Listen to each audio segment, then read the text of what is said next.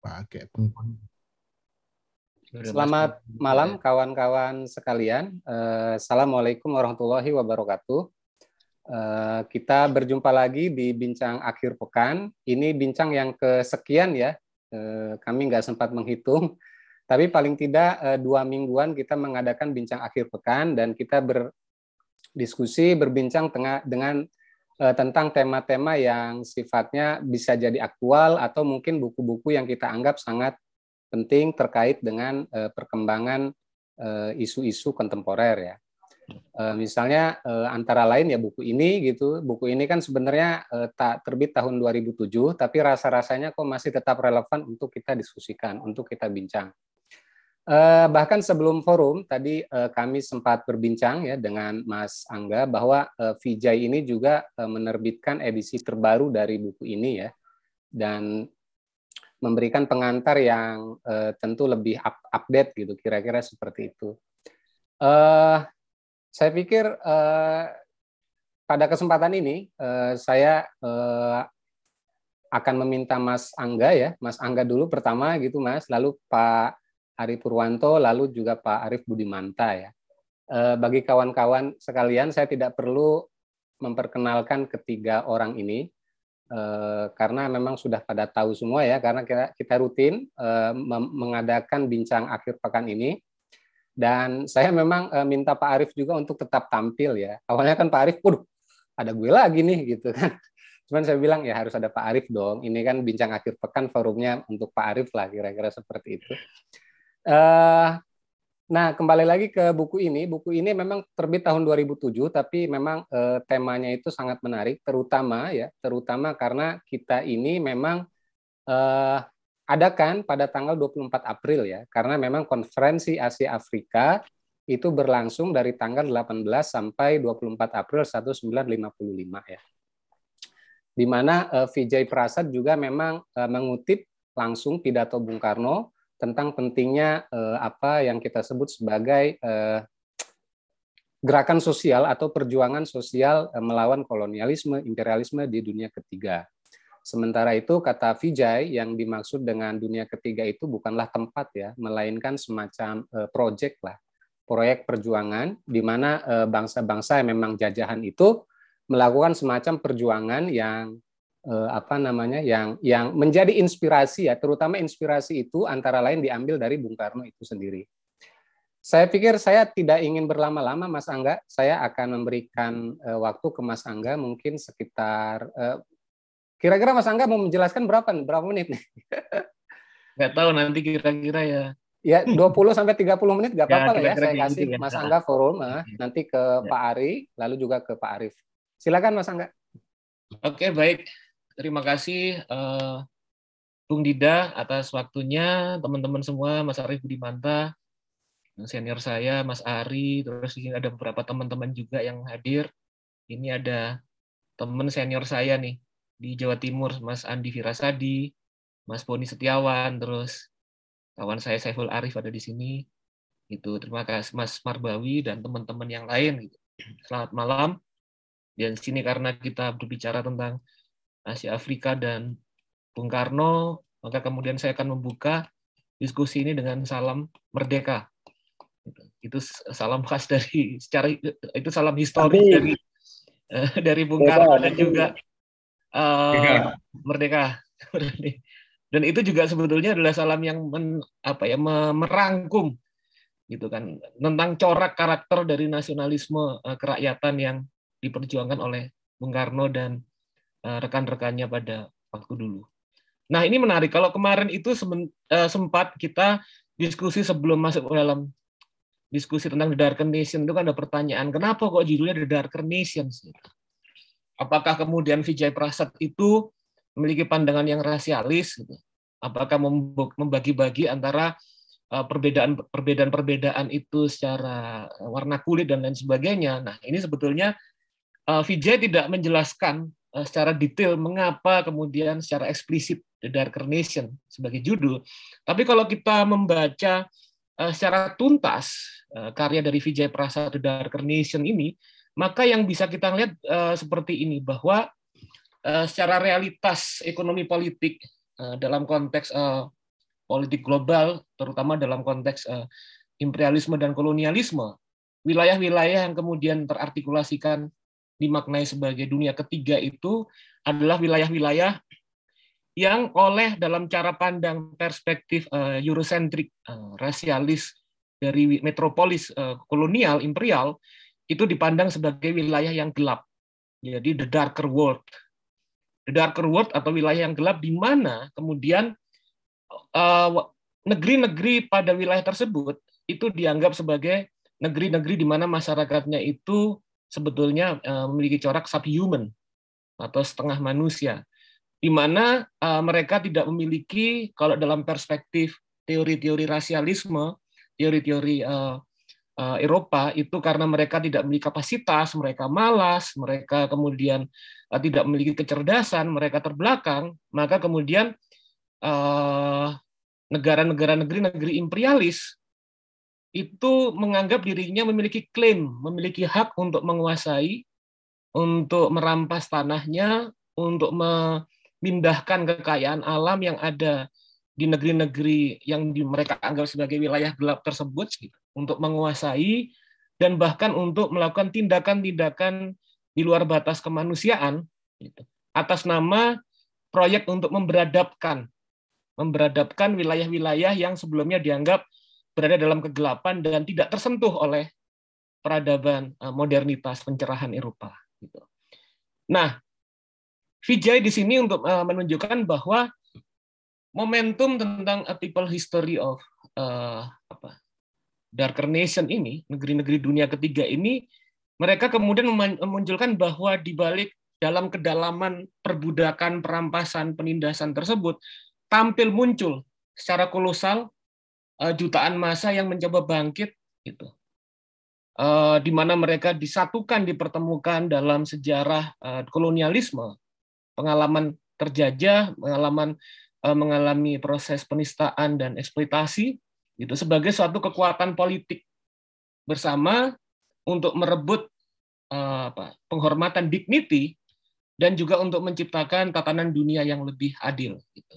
Sehingga sebuah Darker Nation adalah sebuah manifesto perlawanan eh, dari negeri-negeri yang mengalami proses eksploitasi. Nah, di situ kemudian Vijay Prasad menunjukkan bahwa esensi dari Darker Nation dan juga kemudian konferensi Asia Afrika, terus kemudian gerakan non-blok, kemudian di Belgrade, terus kemudian juga gerakan-gerakan yang kemudian mengikutinya di Mesir dan tempat-tempat yang lain di Havana eh, dan negeri-negeri dunia ketiga, itu berangkat dari suatu terminologi yang disebut sebagai third world atau dunia ketiga. Di mana dunia ketiga itu bukan suatu semata-mata persatuan geografis, bukan kemudian eh, seperti narasi yang eh, selama ini eh, kemudian kita fahami dari pembacaan kita misalnya sejak masa lalu, sejak masa Orde Baru, bukan kanan, bukan kiri, gitu kan, bukan komunis, sosialis, bukan liberal kapitalis dan lain sebagainya. Gitu. Tapi sebetulnya third itu adalah suatu proyeksi politik, proyeksi politik yang bersama dari negeri-negeri, dari kekuatan-kekuatan politik, dari uh, basis sosial, dari wilayah yang kemudian apa terhubung dalam persamaan nasib sebagai bagian dari negeri-negeri yang terjajah, negeri-negeri yang uh, apa mengalami proses eksploitasi dan disatukan oleh semangat bahwa apa uh, kapasitas dan kemampuan mereka kemungkinan mereka untuk menentukan masa depan dari negeri yang baru merdeka ini hanya bisa dilakukan apabila mereka berhasil untuk menghancurkan dan mendobrak rantai imperialisme dan kolonialisme gitu yang belum selesai gitu. Meskipun mereka sudah uh, mengalami proses pemerdekaan secara politik gitu nah itu sebetulnya uh, apa makna dari the darker nations dan juga kemudian uh, mengapa itu menjadi salah satu kunci dari apa the core principle of third world project yang yang kemudian kita diskusikan ini. Nah dari situ bahwa dunia ketiga sebagai suatu proyek proyek politik itu kemudian memiliki uh, apa memiliki cara pandang perspektif kritik di mana tadi sudah saya utarakan bahwa proyeksi dan cita-cita utamanya itu kemudian memiliki uh, apa memiliki fondasi yang bersifat transformatif dan juga kemudian uh, memiliki corak untuk melakukan perubahan secara struktural. Artinya uh, mereka melihat bahwa masyarakat-masyarakat yang terjajah tadi dan apa pemimpin-pemimpin ini mereka menyadari bahwa suatu kesadaran politik untuk bisa menentukan nasib sendiri hanya bisa dilakukan ketika mereka berhasil keluar dari belenggu uh, struktur uh, warisan dari kolonialisme dan imperialisme yang masih membelenggu mereka. Nah, di sini juga yang menarik kemudian bahwa corak dan cara pandang nasionalisme kebangsaan dari negeri-negeri uh, yang kemudian terhubung dengan platform politik dunia ketiga itu sejak awal itu memiliki uh, corak dan karakter nasionalisme kebangsaan yang berperspektif internasionalis. Jadi nasionalismenya dunia ketiga ini bukan nasionalisme yang chauvinistik, bukan bukan nasionalisme yang uh, menganggap bahwa negerinya atau bangsanya itu memiliki supremasi dan keunikan dibandingkan dengan bangsa-bangsa yang lain. Tapi sejak awal bahwa kebangsaan mereka itu disatukan berdasarkan pada perspektif upaya untuk melihat problem dan persoalan ini secara internasional, internasionalistik, di mana kesadaran kebangsaan itu tumbuh. Kalau kita baca dalam uh, tulisan awal, uh, tulisan Bung Karno pada umur 26 itu yang nasionalisme, Islamisme, Marxisme, dia mengutarakan kesadaran Arya Bima gitu kan tentang apa ya tentang nasibnya sendiri itu muncul sejalan dengan kesadaran mereka bahwa baik mereka itu berangkat dari perspektif ke, eh, kebangsaan nasional, berperspektif keagamaan, atau kemudian perspektif sosialistik, itu sama-sama memahami bahwa mereka dipersatukan oleh nasib yang sama, yaitu nasib menghadapi eksploitasi kolonialisme dan imperialisme. Dan yang menariknya bahwa cara pandang tersebut bukan hanya cara pandang yang unik apa dimiliki oleh tokoh seperti Soekarno di Indonesia, tapi juga Vijay Prasad itu menunjukkan bahwa uh, beberapa kalangan-kalangan pemimpin dan intelektual dunia ketiga, yaitu misalnya seperti UNU, gitu, it, itu menunjuk juga memiliki pandangan yang uh, serupa di Birma itu.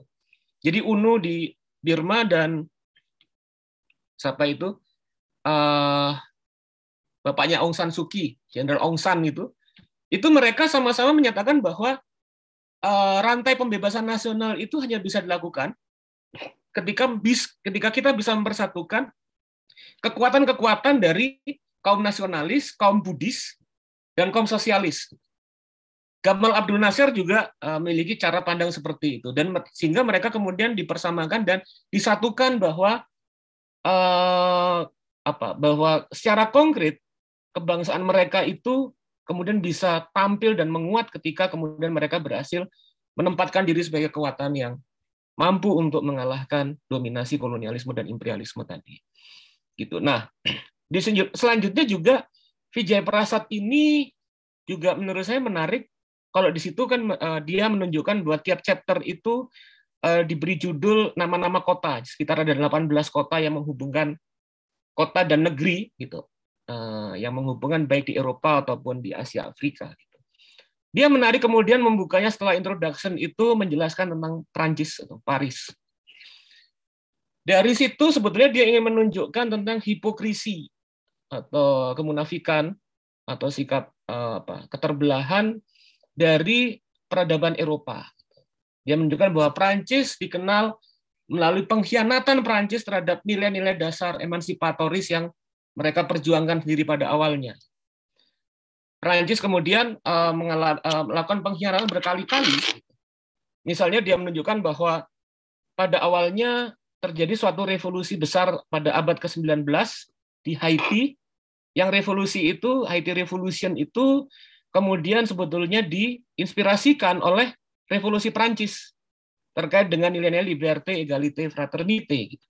Untuk memisahkan diri dari penjajahan dan perbudakan yang dilakukan oleh Prancis dan hal itu kemudian oleh uh, Napoleon Bonaparte terus kemudian uh, di apa di, uh, diserang lagi gitu meskipun akhirnya kalah Perancis Dan fenomena serupa kemudian ber, kembali terulang misalnya terkait dengan bagaimana penindasan yang dilakukan oleh Perancis di negeri-negeri dunia ketiga, negeri-negeri yang terjajah. Bahkan setelah Perang Dunia Kedua, ketika era dekolonisasi kemudian berlangsung, Perancis merespon era tersebut dengan melakukan uh, pembantaian, melakukan represi dengan taraf yang maksimal di negeri-negeri jajahannya, di Aljazair, gitu, di Afrika dan di uh, Vietnam. Gitu. Nah, kemudian uh, Vijay menyatakan apa yang membuat Perancis melupakan tradisi progresif kesetaraan, liberté, égalité, fraternité yang kemudian dicanangkannya,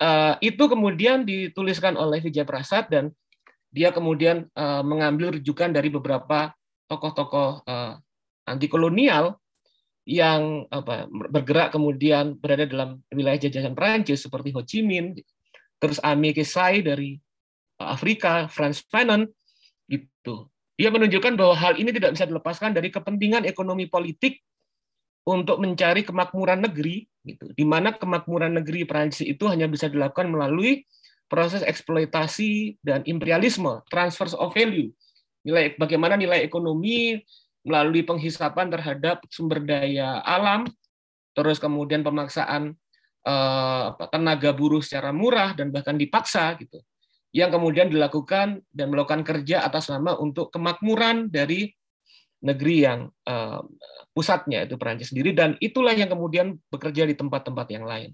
Gitu.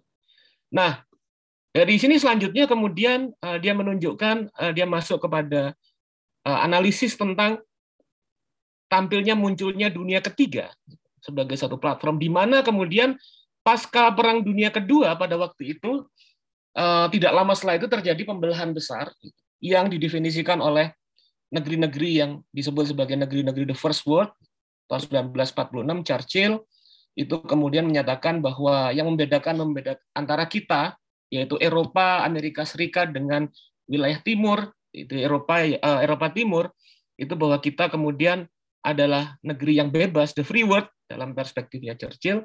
Sementara mereka adalah negeri-negeri yang uh, berada menjadi bagian dari uh, Iran Curtain atau kemudian negeri-negeri komunis gitu, yang tertutup seperti itu. Di mana kemudian pembelahan terjadi, kemudian Amerika Serikat misalnya menyetujui penghancuran terhadap kekuatan komunis di Yunani dan di tempat-tempat yang lain, di mana uh, dunia memasuki epos tentang yang disebut sebagai perang dingin.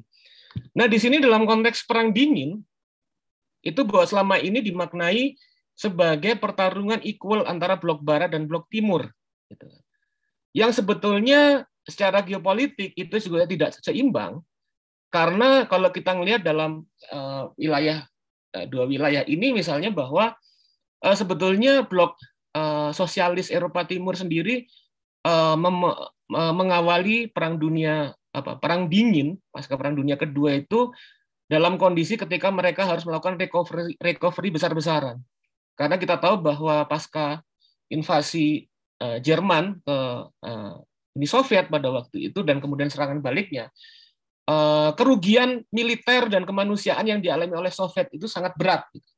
Sehingga sebetulnya yang terjadi adalah pertarungan antara blok kapitalis yang sebetulnya lebih kuat dari blok sosialis pada waktu itu. Gitu. Dan kemudian blok sosialis mencoba menampilkan diri eh, membangun apa? Membangun kemudian hubungan terhadap negara-negara yang terjajah. Nah, tapi kemudian dua blok ini sebetulnya memiliki problematik yang mendasar dalam konteks hubungannya dengan negara-negara yang disebut sebagai negara dunia ketiga atau negara-negara yang baru lepas dari kolonialisme. Problematiknya bahwa eh, negeri-negeri uh, dunia pertama atau first world itu sebetulnya masih menginginkan hubungan yang unequal, yang timpang. Mereka masih men, uh, mencoba bagaimana mempengaruhi dan melanggengkan proses penghisapan ekonomi politik yang bekerja pada era sebelumnya kolonialisme dalam kondisi baru ketika mereka ketika negeri-negeri yang baru merdeka ini eh, apa kemudian masuk dalam era kemerdekaan politik. Jadi bagaimana yang disebut oleh Bung Karno yang juga di, di apa dia diutarakan dalam konferensi Asia Afrika tentang epos atau fase neokolonialisme dan neoimperialisme dalam bentuk penjajahan ekonomi dan intelektual itu kemudian tetap bekerja dalam era baru di mana negeri-negeri yang sebelumnya terjajah itu sudah merdeka. Nah, sementara di sisi yang lain, negeri-negeri uh, Uni Soviet dan Eropa Timur pada waktu itu itu kemudian membangun hubungan dengan negeri-negeri yang apa yang yang baru merdeka ini dalam mereka menginginkan suatu relasi yang sifatnya uh, patronizing gitu. Jadi mereka menganggap bahwa negeri-negeri yang baru merdeka ini masih belum siap untuk kemudian tampil uh, dalam uh, percaturan politik global dan oleh karena itu mereka masih membutuhkan bimbingan dari uh, apa dari rezim komunis pada waktu itu. Nah itulah yang juga kemudian mendorong misalnya konflik Sino-Soviet dan lain sebagainya. Nah sementara yang sebetulnya menarik yang diutarakan oleh Vijay Prasad bahwa Cold War dalam konteks perang Soviet dengan Amerika itu sebetulnya apa hanya kemudian mempertimbangkan tidak lebih dari sepertiga populasi dunia. Artinya kalau kita memandang percaturan dunia politik global pada era perang dunia hanya dalam dimensi pertarungan antara Amerika Serikat dengan NATO dan koalisinya serta Soviet dengan uh, Eropa Timur dengan koalisinya itu sebetulnya hanya sepertiga. Nah mayoritasnya dua per tiga ke mana? Tidak ditampilkan dan tidak diberikan ruang untuk bersuara menentukan dirinya sendiri. Nah di situlah sebetulnya terbuat politics gitu, yang kemudian tampil dalam uh, manifesto awalnya pasca kemerdekaan negeri-negeri yang baru terjajah itu pada 1955 adalah mencoba memperjuangkan kehadiran dari mayoritas populasi dunia dalam percaturan politik global. Gitu. Itu yang kemudian uh, menjadi di mana kemudian ini adalah perjuangan dari negeri-negeri dunia ketiga dan dari para kalangan pemimpin itu kemudian untuk menampilkan dalam panggung dunia nasib dari masyarakatnya yang sebetulnya adalah populasinya mayoritas dari penduduk dunia untuk ikut menentukan bagaimana kemudian dunia masa depan harus dibangun, tidak hanya dalam konteks kedaulatan dan masa depan negerinya, tapi juga masa depan dunia. Nah, itu sebetulnya eh, cita-cita uh, tersebut dalam konteks politik apa, uh, internasional dalam fase ketika bicara Vijay Prasa tentang bab soal Brussels, itu bukan hanya uh, kemudian tiba-tiba muncul pasca negeri-negeri dunia ketiga ini merdeka, tapi kemudian cita-cita dan solidaritas global ini sebetulnya muncul memiliki akar historis yang cukup lama, yang setidaknya kemudian salah satu momentumnya itu diikat dalam pertemuan di Belgia di Brussels tahun 1927 dalam pertemuan yang disebut sebagai League Against Imperialism. Di situ kemudian uh, wakilnya dari Indonesia itu ada Muhammad Hatta, ada Semaun, Eh, dan beberapa tokoh-tokoh yang lain bersama dengan Ho Chi Minh, bersama dengan Nehru, dan tokoh-tokoh yang lain juga, yang kemudian mereka bersepakat bahwa intinya begini, bahwa sebelumnya, sebelum League of Against Imperialism tahun 1927, tahun 19, uh, 1920 kalau nggak salah, itu sebetulnya warga-warga negeri-negeri terjajah itu berharap bahwa pasca Perang Dunia Pertama, dan kemunculan League of Nations, maka kemudian eh, nasib dan otonomi mereka untuk memperjuangkan hak bangsanya itu dihormati oleh para pemenang perang. Tapi ternyata kemudian League of Nations itu menjadi atau Liga Bangsa-Bangsa itu hanya menjadi liganya dari negeri-negeri yang memiliki apa yang yang kemudian menjadi pemilik dari proses-proses praktek imperialisme dan penjajahan tadi. League of Nations hanyalah menjadi event organizer dari kepentingan dari negeri-negeri penjajah. Gitu.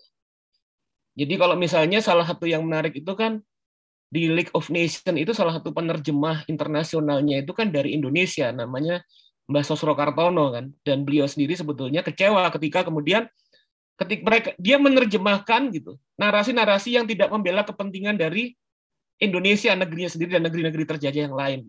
Nah, rintisannya kemudian perlawanan terhadap League, uh, League of Nations itu adalah League Against Imperialism yang mempertemukan kekuatan-kekuatan dari national liberation, jadi tokoh-tokoh pergerakan kebangsaan, dan juga kemudian dari kekuatan-kekuatan sosialis dan Marxis pada waktu itu untuk memperjuangkan kepentingan dari negeri-negeri untuk kemerdekaan. Nah, itu kemudian terhubung dalam selanjutnya eh, apa jaringan solidaritas narasi wacana ini tidak putus di Brasil, tapi kemudian muncul kemudian terdorong menjadi kekuatan besar dari kekuatan-kekuatan anti kolonial di mana kemudian momentumnya sebetulnya seperti diutarakan oleh Bung Karno dalam pidato pembukaan konferensi Asia Afrika itu pada tahun 1955. Bung Karno menyatakan bahwa konferensi ini adalah kelanjutan dari peristiwa historis yang sebelumnya pernah terjadi pada tahun 1927,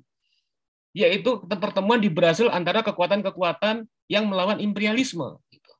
Nah, dalam pidato tersebut, eh, Bung Karno kemudian eh, menggunakan narasi yang sangat kuat dan indah bahwa eh, kita jangan kemudian terjebak dalam kepahitan masa lalu, sekarang seperti itu dan dia mengutarakan bahwa salah satu berkah yang berkah dan anugerah paling tinggi yang diberikan Tuhan kepada kita adalah kemerdekaan dan kehidupan itu sendiri gitu dan dia mengutarakan bahwa uh, apa, riwayat dari kemanusiaan tidak akan pernah tuntas menemukan sejarahnya apabila kemudian kita gitu, itu masih terbelenggu oleh kemiskinan, kebodohan, dan rantai penindasan.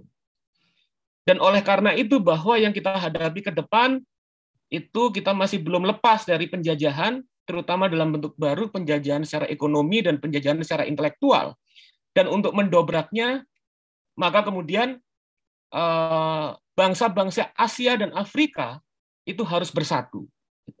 Nah, narasi ini menjadi salah satu narasi yang terkuat menurut Vijay Prasad yang menunjukkan bahwa upaya untuk uh, mendorong pada kemajuan baik dalam konteks kemudian untuk berdikari dan menentukan nasib sendiri dari negeri-negeri yang sebelumnya terjajah atau membangun suatu tatanan dunia yang lebih adil tidak bisa dilepaskan dari social struggle, dari pertarungan sosial.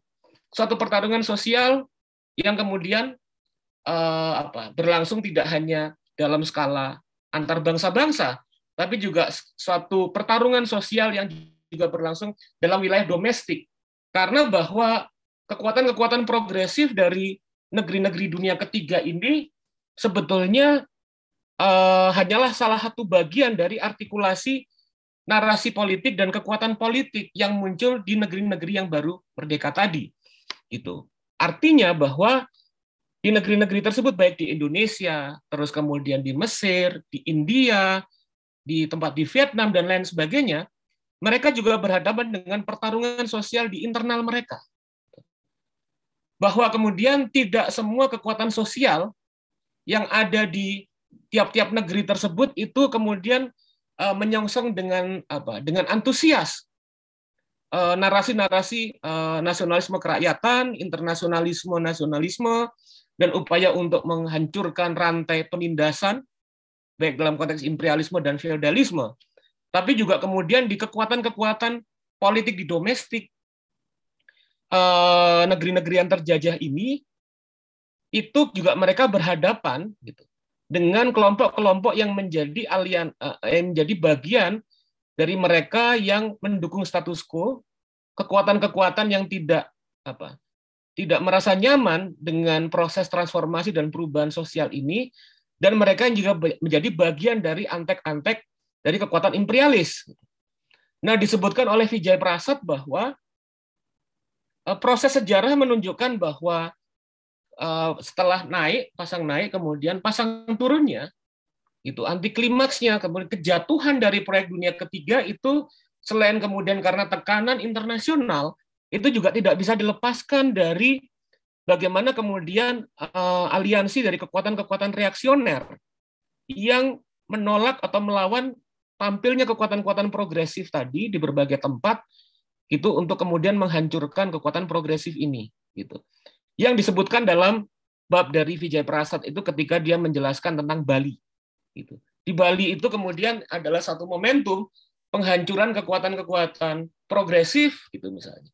Refleksi dari bagaimana kekuatan-kekuatan yang kemudian memiliki corak dan karakter reaksioner gitu. Ini kemudian menghancurkan dunia ketiga. Nah, yang menarik sebetulnya, kalau saya mau mengakhiri uh, pengantar saya, itu adalah ketika kemudian politik dunia ketiga ini uh, surut, itu, atau bisa dikatakan kemudian tidak menjadi kekuatan dominan, apa yang kemudian terjadi?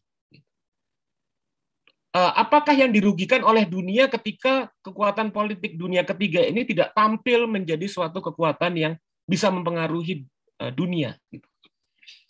Pertama bahwa yang paling kelihatan uh, setelah kemudian kekuatan politik dunia ketiga ini surut, para pemimpin negeri-negeri dunia ketiga tidak menampilkan dirinya sebagai agensi dari kalangan atau dari kekuatan-kekuatan politik dari masyarakat yang uh, mengalami proses penindasan pemimpin-pemimpin dunia ketiga sebetulnya adalah pemimpin yang menampilkan diri sebagai intelektual organik yang memperjuangkan kepentingan dari masyarakat yang terjajah. Itu. Itu sebetulnya makna dari mengapa Bung Karno itu kemudian menyatakan dirinya sebagai penyambung lidah rakyat. Karena kemudian kalau kita berangkat dari secara ketat dalam teoritik Antonia Gramsci misalnya, meskipun Bung Karno nggak membaca Gramsci, karena zaman Bung Karno hidup bukunya Gramsci belum diterjemahkan, belum diterbitkan dalam bahasa Inggris misalnya. Karena uh, makna dari makna dari intelektual organik itu sebetulnya adalah mereka yang menjadi artikulator. Intelektual yang bisa mengartikulasikan, menarasikan tentang kepentingan dari kelas sosialnya, kelas masyarakat bawah yang diperjuangkan. Jadi itulah makna sebetulnya dari penyambung lidah rakyat, artikulator pasca uh, hancurnya melemahnya politik dunia ketiga di berbagai negara-negara yang baru terjajah, itu bahwa mereka para pemimpin ini kemudian hanya mengartikulasikan dirinya sebagai elit politik, tidak lebih, yang memiliki kepentingan-kepentingan di antara lingkaran-lingkaran elit itu sendiri. Mereka tidak menjadi agensi yang mendorong perubahan politik yang lebih jauh sebagai kekuatan yang mengartikulasikan kepentingan dari masyarakat atau rakyat yang dia bela. Dan kedua juga kemudian bahwa meskipun uh, apa, uh, politik dunia ketiga sendiri sebetulnya uh, tidak kemudian secara radikal gitu, dalam tone dan suara-suaranya dan cenderung sebetulnya membangun titik tengah konsensus dan kompromi karena pemimpin dunia ketiga itu sebetulnya memiliki perspektif yang beragam ada yang uh, ya ada yang leftis gitu. Seperti Cina uh, terus kemudian di Vietnam gitu Ho Chi Minh. Ada yang kemudian apa nasionalis progresif gitu kan.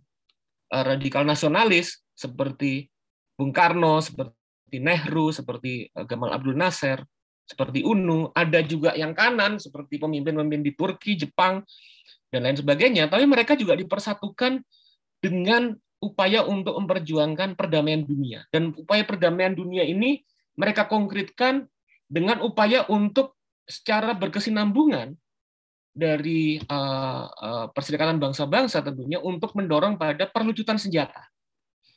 Gitu. Jadi di mana sebetulnya itu adalah suatu aksi dan tindakan struktural.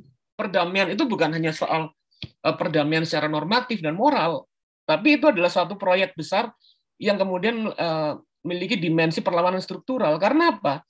Karena pada waktu itu, pada eh, era perang dingin, proses gerak dinamika dari kapitalisme, gitu, pas era perang dingin, itu kemudian ditumbuhkan dan dikembangkan melalui aliansi yang disebut sebagai military industrial complex. Gitu. Nah, itu yang kemudian dilawan oleh para pemimpin dunia ketiga. Gitu. Di mana hal itu sebetulnya uh, menunjukkan bahwa ketika saat ini, ketika kita berhadapan, saya bayangkan pada perang Ukraina misalnya kayak sekarang ini, pertarungannya bukan soal misalnya imperialisme melawan uh, ekspansi Rusia. Tapi kemudian kalau ada kekuatan seperti misalnya third world ini tidak hilang, maka kemudian pertarungan yang muncul di banyak tempat, bukan di Ukraina, tapi di tempat yang lain itu bisa jadi adalah pertarungan imperialisme melawan perdamaian. Karena negeri-negeri dunia ketiga ini semangatnya adalah semangat membangun perdamaian. Mengapa kemudian perdamaian ini menjadi suatu kekuatan penting? Karena pada era sebelum kemerdekaan, negeri-negeri dunia ketiga ini yang paling menjadi sasaran dari uji coba persenjataan dan pembantaian dari negeri-negeri kolonial sebetulnya. Dan selanjutnya, eh, apa yang hilang? Vijay Prasad tidak dalam buku ini, tapi kemudian dalam debatnya dengan David Harvey, itu menunjukkan gini bahwa salah satu kelemahan dari buku dari karya David Harvey ini adalah tidak melihat resistensi dan proyek besar yang disebut sebagai third world politics gitu. sebagai kekuatan utama yang menghadang dan membentengi negeri-negeri yang uh, baru merdeka ini dari ekspansi neoliberalisme. Jadi yang disebut sebagai multinational corporation uh, atau transnational corporation itu sebetulnya tidak bisa dengan seenaknya dan mudah melakukan uh, penanaman modal investasi dan pengurukan sumber daya alam sampai tahun 60-an dan tahun 70-an. Gitu, ketika kemudian kebangkitan uh, politik dunia ketiga. Sejalan dengan hancurnya dan habisnya kekuatan uh, politics, maka kemudian ekspansi dari neoliberalisme ini menjadi uh, kekuatan yang uh, tidak ada yang bisa menghalanginya. Gitu. Nah, di sini uh, yang menarik adalah bahwa secara intelektual karya Vijay Prasad dan menampilkan third world politics ini kemudian dalam kajian kritis ini mengembalikan perspektif uh, kritikal gitu. Baik dalam kajian akademik ataupun kajian aktivisme tentang pentingnya kajian tentang imperialisme, the problem of imperialism dalam perspektif kiri. Bahwa selama ini kemudian yang sedang naik daun ini misalnya muncul kajian tentang social inequality, kajian tentang oligarki power. Gitu. Tapi sebetulnya itu hanya menjadi salah menjadi separuh penjelasan tentang bagaimana uh, koherensi analisis struktural politik ini ber apa ekonomi politik ini bekerja. Selama nah inilah kemudian menampilkan tentang proyeksi politik dunia ketiga dan karya-karya analisis tentang pertarungan politik dalam konteks geopolitik global ini kemudian menampilkan kembali membawa kembali ke depan tentang kajian tentang problem neo-imperialisme dan neo-kolonialisme sebagai satu persoalan struktural dalam politik dunia. Nah, saya pikir sudah saya sudah cukup waktunya Mas ya. sudah Mas. Ah. Sudah, oke okay, ya. mungkin biar yang lain aja. Soalnya kalau saya lain. diterusin nanti sampai malam juga nggak selesai saya ngomong. Betul. Terima baik, kasih. Mas Angga. Ya, baik. baik. Uh, banyak hal tadi dari Mas Angga sudah disampaikan, antara lain eh, bagaimana buku ini berjudul Darker Nations ya, di mana itu kan sebenarnya bukan bukan maksudnya bangsa yang berkulit gelap lah kira-kira seperti itu, di mana itu kan menjadi bagian dari eh, dunia ketiga itu.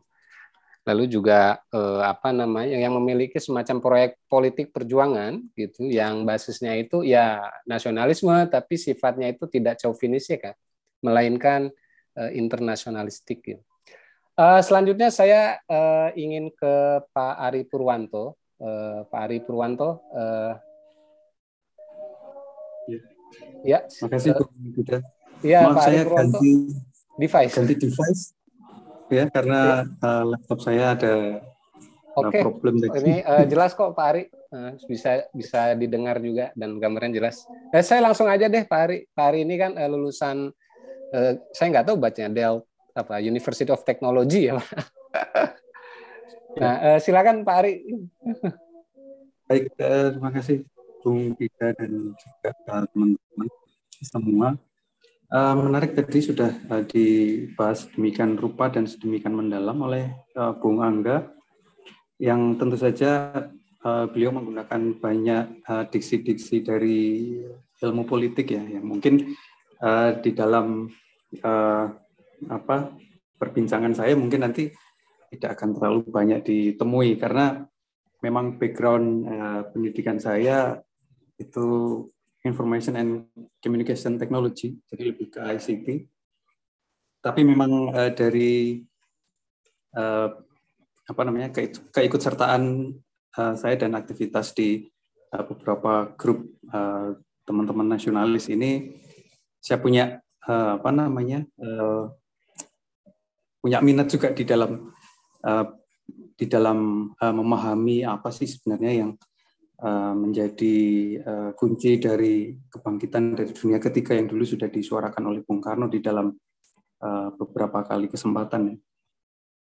Baik, uh, mungkin kalau kita mau bicara mengenai konten dari buku The Darker Nations ini, mungkin ada baiknya juga kita memahami siapa sih yang menulis ya dan dan tadi sudah dijelaskan oleh uh, Bung Angga mengenai sosok uh, dari Vijay Prashad ini uh, yang seorang uh, sejarawan Marxis ya. uh, dan uh, juga salah satu tokoh dari uh, boycott movement yang uh, di dalamnya memperjuangkan gerakan-gerakan uh, sosial untuk uh, memboikot uh, bantuan Amerika Serikat terhadap Israel. Dan dia juga punya pandangan anti. Nah, mungkin uh, dari sini kemudian kita bisa uh, mencoba memahami perspektif uh, Vijay Prasad ini di dalam uh, menuangkan uh, pendapat maupun pikirannya maupun uh, tesis-tesisnya di dalam uh, buku The Darker Nations. Uh, buku ini adalah uh, salah satu dari beberapa seri buku yang dieditori oleh Howard Zinn, ya, seorang uh, profesor uh, ilmu politik di Boston University, Amerika Serikat, yang uh, beliau Howard Zinn ini memproklamasikan dirinya sebagai Eh, seorang yang sedikit anarkis juga sedikit sosialis. Eh, mungkin yang paling tepat menggambarkan dirinya itu adalah dia seorang eh, sosialis demokrat di mana fokus dari buku-buku yang dieditori oleh Howard Zinn ini berada pada bidang gerakan hak rakyat sipil, kemudian gerakan anti perang dan juga sejarah buruh Amerika Serikat. Nah, kemudian uh, proyek uh, dari Howard Zinn ini uh, tadi uh, The Darker Nations dan kemudian uh, beberapa buku lain yang dia yang beliau editori adalah uh, rangkaian dari apa namanya yang kita sebut sebagai di dalam bukunya Vijay Prasad adalah a, People's History. Jadi sejarah dari sudut pandang atau perspektif people atau manusia atau rakyat ya. Nah, memang kalau di dalam sinopsis dari beberapa buku yang dieditori oleh Howard Zinn ini, uh, sudut pandangnya memang mengambil dari pengalaman, dari pendapat, uh, dari tesis-tesis uh, atau perspektif yang dikoleksi dari dikumpulkan dari orang-orang yang termarginalkan di dalam uh, di dalam society maupun di dalam dunia akademik. Misalnya uh, mereka yang uh, apa menjadi uh, buruh di perusahaan-perusahaan Amerika ataupun uh, misalnya uh, mereka yang memiliki uh, orientasi uh, seksual yang uh, mungkin uh, tidak lazim ya kalau, kalau uh, di, di kultur Indonesia. Nah, uh, salah satu uh, kritik terhadap buku dari Vijay Prasad ini adalah ketika itu dibandingkan dengan buku-buku uh, seri lain dari Howard Zinn, itu adalah uh, letak atau uh, di mana letak dari uh, People's History ini. Karena memang di dalam buku The Darker Nations ini kita akan lebih banyak uh, menemui uh, perspektif-perspektif dari uh, pemimpin-pemimpin dari dunia ketiga, ya, dari negara dunia ketiga, dan uh, bukan dari sisi uh, rakyat biasa atau mereka yang uh, termarginalkan di dalam uh, konteks dari perkembangan negara dunia ketiga ini. Nah, kalau kita bedah buku ini memang menunjukkan kita bisa melihat bahwa seperti yang tadi juga dijelaskan oleh Bung Angga, ini adalah pasang naik dan pasang surutnya dari uh, gerakan sosial, gerakan politik dari negara negara ketiga. Yang uh, dimulai dari bagian pertama yang diberi judul quest atau mungkin kita bisa menginterpretasikannya sebagai sebuah perjalanan dari negara-negara ketiga ini untuk membentuk suatu membentuk prinsip-prinsip gerakan yang akan membebaskan mereka dari kolonialisme dan imperialisme di dalam berbagai bidang. Yang uh, di sini disebutkan oleh Vijay Prashad sebagai uh, project. Jadi bukan bukan tempat tapi uh, project. Ya. Jadi ada ada uh, seri konferensi uh, dengan negara-negara uh, ketiga ini.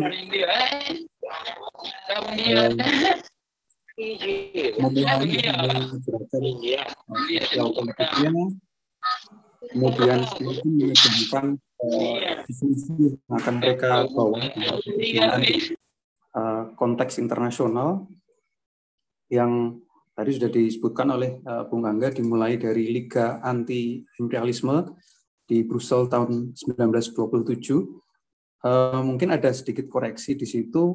Uh, di dalam buku Vijay Prasad disebutkan bahwa Soekarno hadir di dalam konferensi tersebut dalam pertemuan Liga Anti Imperialisme tapi berdasarkan pencarian kami yang kami dapati adalah nama-nama uh, seperti Muhammad Hatta, Nasir Pamuncak, Ahmad Subarjo, kemudian Gatot Tarumiharjo dan Abdul Manaf dari Perhimpunan Indonesia, dan Semaun dari Sarekat Rakyat atau PKI. Nah, mungkin ini juga menjadi satu uh, koreksi bahwa mungkin di dalam uh, detail-detailnya karena kita lihat uh, kompleksitas dari uh, buku The Darker Nations ini mulai dari sisi uh, banyaknya aktor negara ataupun aktor uh, pemimpin politik negara-negara dunia ketiga yang terlibat di situ kemudian termasuk juga timelinenya itu mulai dari 1927 bahkan beberapa eh, penjelasan di dalamnya eh, itu menuju ke 1918-an di sekitar eh, Perang Dunia Pertama hingga sampai pada konteks di mana kemudian IMF ini menjadi simbol kemenangan dari neokolonialisme dan neoimperialisme dengan eh, proyek-proyek apa namanya proyek-proyek ekspansi di bidang ekonomi yang mewakili negara-negara imperialis. Nah, karena mungkin karena kedalaman dan keluasan dari uh, dari uh, konteks negara dunia ketiga inilah kemudian mungkin ada satu dua beberapa minor error ya kesalahan minor. Nah kalau tadi kita berbincang mengenai questnya di bagian pertama pasang naiknya dari negara dunia proyek uh, negara dunia ketiga. Kemudian di uh, bagian kedua pitfalls ini uh, menjelaskan mengenai bagaimana gerakan ataupun proyek dunia ketiga ini mengalami kegagalan. Yang beberapa di antaranya dijelaskan juga tadi oleh Bung Angga tentang adanya tekanan baik dari internal negara-negara tersebut maupun dari eksternal,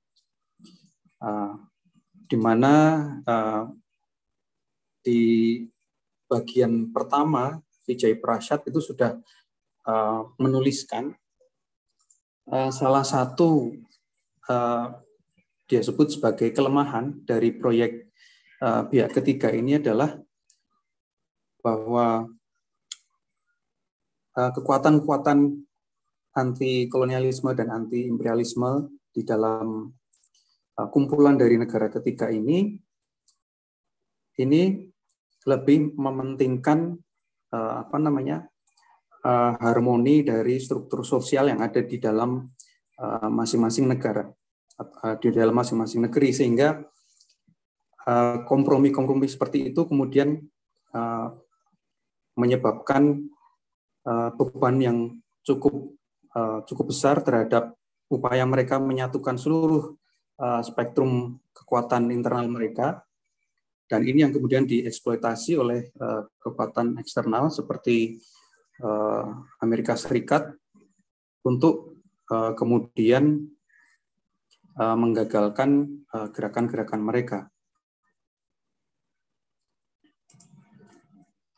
Nah, selain uh, selain dari tekanan internal dan eksternal juga disebutkan di dalam bagian kedua pitfalls ini uh, mengenai uh, otor otoritarianisme yang kemudian berkembang uh, di negara-negara ketiga. Karena tadi uh, uh, sebagai salah satu uh, timbal balik di dalam uh, menyatukan seluruh uh, spektrum di dalam internal uh, negara tersebut juga kegagalan uh, beberapa proyek uh, sosial yang memang tidak diperhitungkan, tidak dianalisis secara sungguh-sungguh, misalnya seperti kegagalan land reform dan juga korupsi. Nah, kemudian di bagian yang ketiga diberi judul Assassinations uh, di bagian ketiga ini uh, kita dibawa menuju ke kalau di dalam eh, novel-novel atau buku-buku uh, non fiksi itu set ending ya. sesuatu yang kadang kita nggak nggak kepengen untuk bisa uh, mencapai akhir yang menyedihkan akan tetapi di dalam buku Vijay Prashad ini disebutkan tesis-tesis dan juga perspektif dari kematian dari gerakan dunia ketiga yang tadi sudah disebutkan salah satunya karena uh, IMF ya, liberalisasi ekonomi ala IMF kemudian uh, kemudian munculnya chauvinisme kemudian uh, munculnya kasus-kasus intoleransi agama dan juga rasisme. Yang pada kesimpulannya pada akhir dari buku Vijay Prasad disebutkan bahwa kematian ini tidak kematian dari uh, gerakan negara-negara ketiga ini tidak bisa dihindarkan. Dan hingga saat ini kita masih menunggu apakah uh, gerakan ini akan muncul kembali atau tidak. Akan tetapi uh, di situ disebutkan oleh Vijay Prasad bahwa peperangan terhadap kepemilikan tanah, hak-hak untuk memiliki tanah, hak terhadap air, kemudian uh, kesenjangan ekonomi, kemudian uh, kehormatan terhadap kehormatan secara budaya, kemudian hak-hak perempuan, hak-hak terhadap hak-hak dari masyarakat asli yang merupakan pendukung dari uh, konstruksi uh, institusi institusi demokrasi dan negara yang responsif itu masih terjadi di mana pun. Nah, merujuk kepada hal ini, kemudian yang menurut Vijay Prashad juga adalah salah satu agenda yang genuine dari negara ketiga di dalam sejarahnya tersebut, itu pada akhirnya harus bisa bangkit kembali.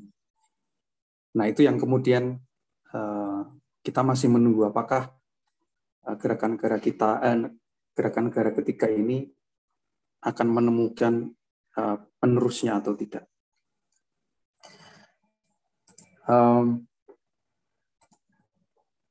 Nah, kalau kita kembali ke ke awal dari buku ini, uh, di situ di uh, diceritakan atau dijelaskan mengenai awal mula dari uh, istilah dunia ketiga atau the third world yang uh, diciptakan oleh uh, Albert uh, ya, dari uh, Perancis, seorang ahli demografi di tahun 52.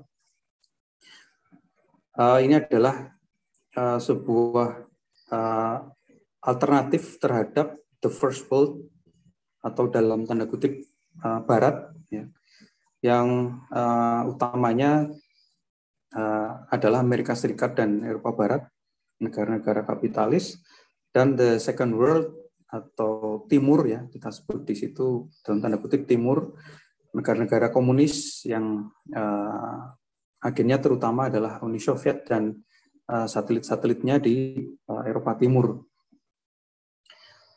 Uh, di dalam penjelasan berikutnya, meskipun disebutkan sebagai proyek, akan tetapi tadi juga sudah dijelaskan oleh Bung Angga bahwa the third world ini bisa dikarakterisasikan sebagai bangsa-bangsa dan negara-negara yang ada di Asia, Afrika, Amerika Latin yang baru saja menang. Artinya menang adalah baru saja mendapatkan kemerdekaannya ataupun berada di ambang memenangkan kemerdekaan mereka dari uh, penguasa kolonis, kolonialis. Dan Vijay Prashad menyebutkan salah satu hal yang cukup membuat bangga itu adalah uh, bahwa Bung Karno ini disebut sebagai tokoh uh, tiga raksasa bersama dengan Nasser dan Nehru dari India. Nah, uh, kemudian uh, secara singkat, menurut Vijay Prashad, salah satu tujuan ataupun outcome yang ingin dicapai oleh negara-negara dunia ketiga ini di dalam gerakan-gerakannya adalah reformasi terhadap PBB dan juga demokratisasi di dalam pengambilan keputusan di intern PBB. Karena uh, seperti yang kita uh, ketahui dari uh, pidatonya Bung Karno to build the world anew di uh, sidang umum PBB ke-15 uh, 30 September 1960 uh, di situ beliau menyebutkan bahwa hari depan dunia itu tidak dapat hanya ditentukan oleh negara-negara besar. Amerika Serikat, Inggris, Prancis, dan Uni Soviet. Dalam konteks uh, sidang umum tersebut beberapa bulan sebelumnya di bulan Mei itu ada pertemuan uh, empat negara besar tersebut terkait dengan terutama persenjataan, kemudian persaingan dan juga perselisihan antara kubu Amerika Serikat dan Uni Soviet. Nah, uh, ini tentunya salah satu salah satu hal yang uh, menjadi kontribusi dari uh, gerakan negara-negara dunia ketiga karena di dalam uh, perjalanannya setelah mereka kemudian berhasil menjadi anggota PBB, mereka membentuk blok negara ketiga yang memperjuangkan martabat dan juga nasib dari Eh, sesama negara dunia ketiga. Jadi beberapa keputusan PBB itu eh, mereka perjuangkan bagi sesama eh, negara-negara dunia ketiga. Dan ini blok yang dihimpun ataupun dibentuk oleh the third world ini cukup apa namanya cukup mempengaruhi ya, cukup mempengaruhi dan bahkan uh, salah satu dari uh, komunike uh, konferensi Asia Afrika di Bandung itu masuk ke dalam uh, salah satu badan uh, internasional terkait dengan uh, atom, ya. International Atomic Energy Agency atau EAIA yang di dalam piagamnya itu mengadopsi uh, komunike uh, terakhir dari Eh, konferensi Asia Afrika Bandung, uh, di mana IA, IA itu salah satu tujuannya adalah untuk mengadakan regulasi, kemudian pembatasan, kontrol, dan pengurangan semua angkatan bersenjata dan persenjataan, termasuk larangan produksi, eksperimen, dan penggunaan semua senjata pemusnah massal, dan untuk membangun kontrol internasional yang efektif untuk tujuan tersebut. Nah, uh, tentu uh, ini uh, bukan uh, semata-mata dihasilkan dari uh, satu atau dua pertemuan dari negara-negara dunia ketiga, akan tetapi terdiri dari beberapa seri konferensi yang tadi dimulai dari Brussels 1927, kemudian uh, 1955 itu konferensi Asia Afrika di Bandung, diikuti dilanjutkan dengan uh, konferensi Asia Afrika berikutnya di Kairo 1961, kemudian deklarasi gerakan non blok tahun yang sama 61 juga di Beograd dan uh, kemudian uh, kalau menurut Vijay Prashad uh, di tahun 1966 itu masih ada satu lagi uh, seri konferensi yang disebut konferensi trikontinental di Havana. Ini memang disebutkan di dalam uh, bab, bab di dalam buku tersebut ya. Nah mungkin ini juga menjadi salah satu hal yang menarik di mana uh, kita bisa dari buku tersebut kita bisa lihat seperti ada semacam time gaps. Jadi ada waktu yang cukup kosong di antara 1927 hingga 1955 yang tidak uh, dijelaskan secara detail di dalam buku tersebut akan tetapi uh, sebelum konferensi Asia Afrika ini memang ada uh, rangkaian uh, persiapan dan juga uh, pertemuan sebelumnya yang dihadiri oleh wakil-wakil dari negara-negara dunia ketiga dan mungkin dinamikanya belum belum masuk di dalam buku Vijay Prasad tersebut. Nah, tadi selain kontribusi dunia ketiga terhadap uh, pembentukan organisasi IAEA atau International Atomic Energy Agency. Uh, ada juga kontribusi lain uh, yaitu uh, dibentuknya UN Conference on Trade and Development yang di dalamnya negara-negara dunia ketiga uh, menghendaki uh, dibentuknya suatu badan di mana pertukaran jasa dan barang di antara Eh, bangsa-bangsa ini bisa dilakukan eh, dengan eh, tingkat yang setara, jadi tidak ada tidak seperti hubungan antara misalnya Amerika Serikat dengan negara-negara dunia ketiga, di mana Amerika Serikat dan juga negara-negara imperialis dan kolonialis yang lain, di mana mereka menyedot sumber daya alam dari dunia ketiga, kemudian mereka juga memproduksi barang-barang dengan menggunakan upah buruh yang murah dari dunia ketiga, kemudian produknya dijual kembali ke uh, dunia ketiga. Nah, uh, Baik, Pak kemudian Ari, ya. Uh, satu menit lagi ya. oh siap. Uh, baik, nah kemudian uh, di manakah konteks dari uh, uh, Bung Karno di dalam hal ini? Uh, tadi sudah dijelaskan oleh Bung Angga bahwa uh, salah uh, pidato Bung Karno di pembukaan konferensi Asia Afrika adalah salah satu pidato yang menggetarkan dan memampukan negara-negara yang uh, delegasi dari negara-negara yang ada di situ untuk benar-benar uh, bersatu dan kemudian Eh, menyusun langkah-langkah konkret di tahun-tahun berikutnya untuk memperjuangkan uh, apa yang menjadi aspirasi gerakan mereka. Ya, mungkin itu dulu, Bung Dida. Baik, Pak Ari. Uh, saya sebenarnya ada pertanyaan singkat ini untuk Pak Ari ya. Kira-kira nih menurut Pak Ari dari sudut pandang uh, studi Pak Ari ya, negara-negara dunia ketiga itu dalam konteks eh, teknologi dan semacamnya yang memang Pak Ari itu sudah biasa ya menggeluti bidang tersebut itu punya masa depan atau enggak kira-kira Pak? Ini pertanyaan iseng saja. Baik, ya uh, memang ini jadi salah satu pertanyaan yang cukup kritis ini, tidak.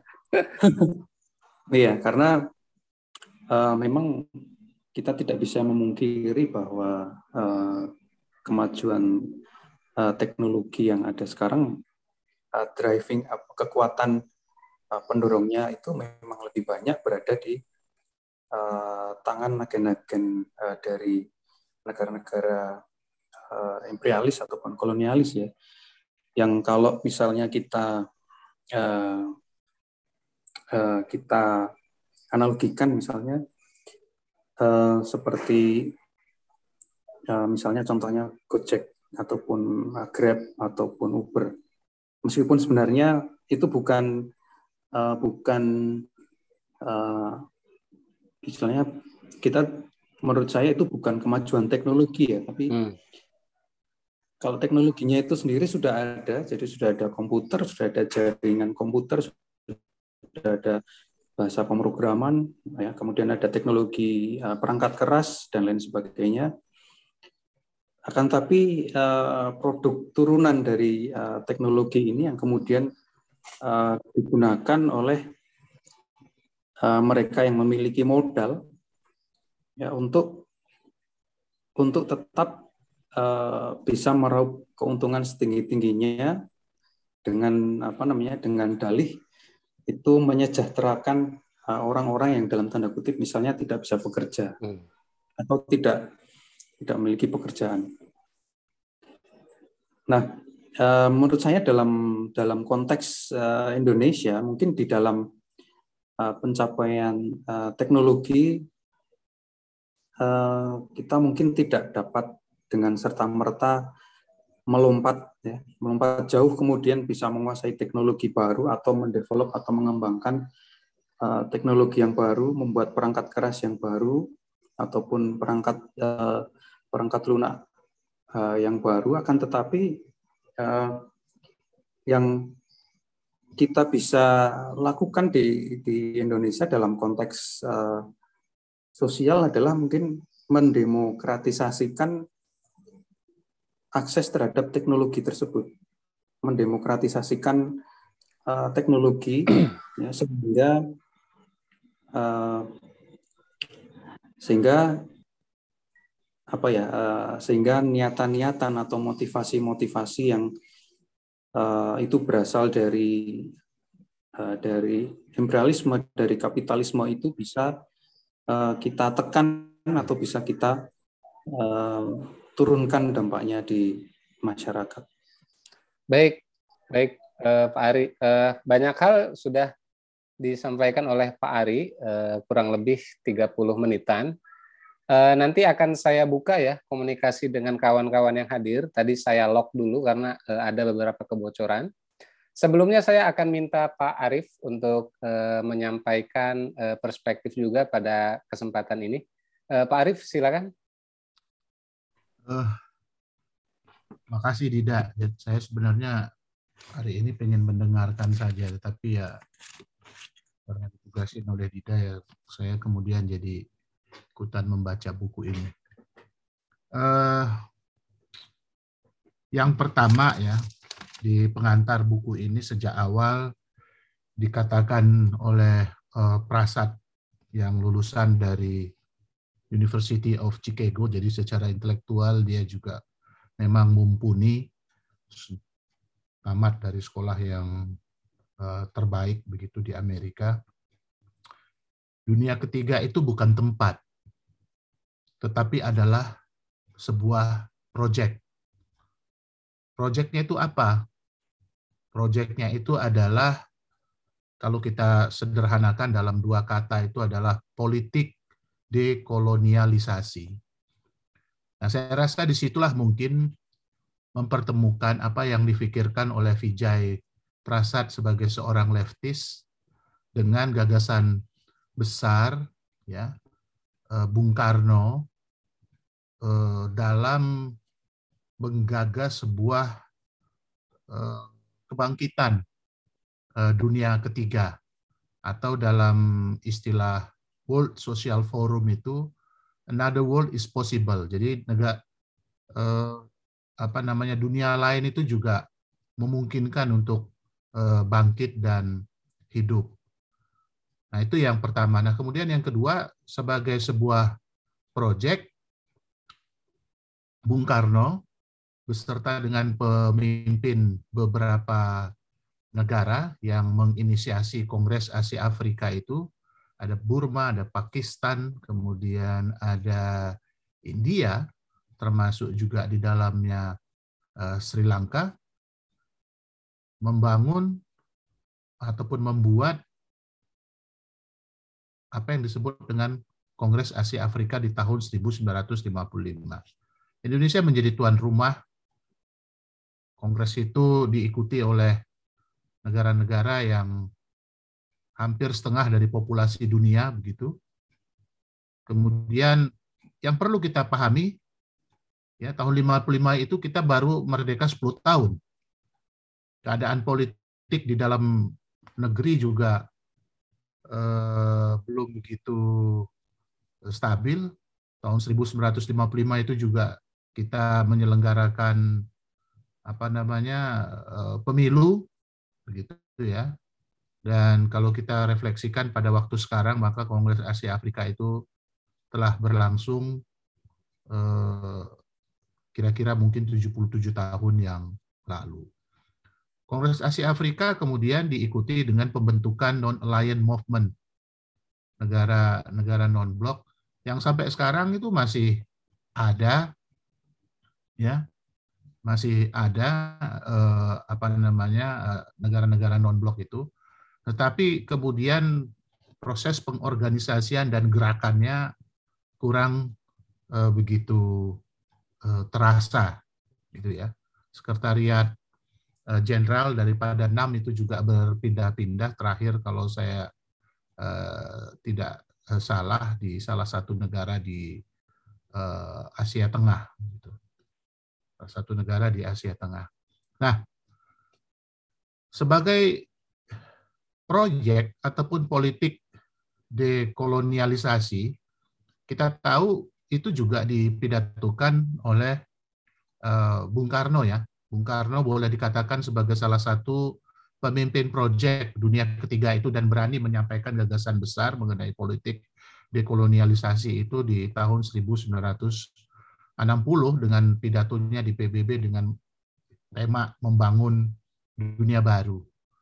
Membangun dunia baru itu artinya adalah sebuah eh, dunia yang damai, ya, yang adil, kemudian juga eh, sejahtera gitu yang di dalamnya juga ada aspek kesetaraan.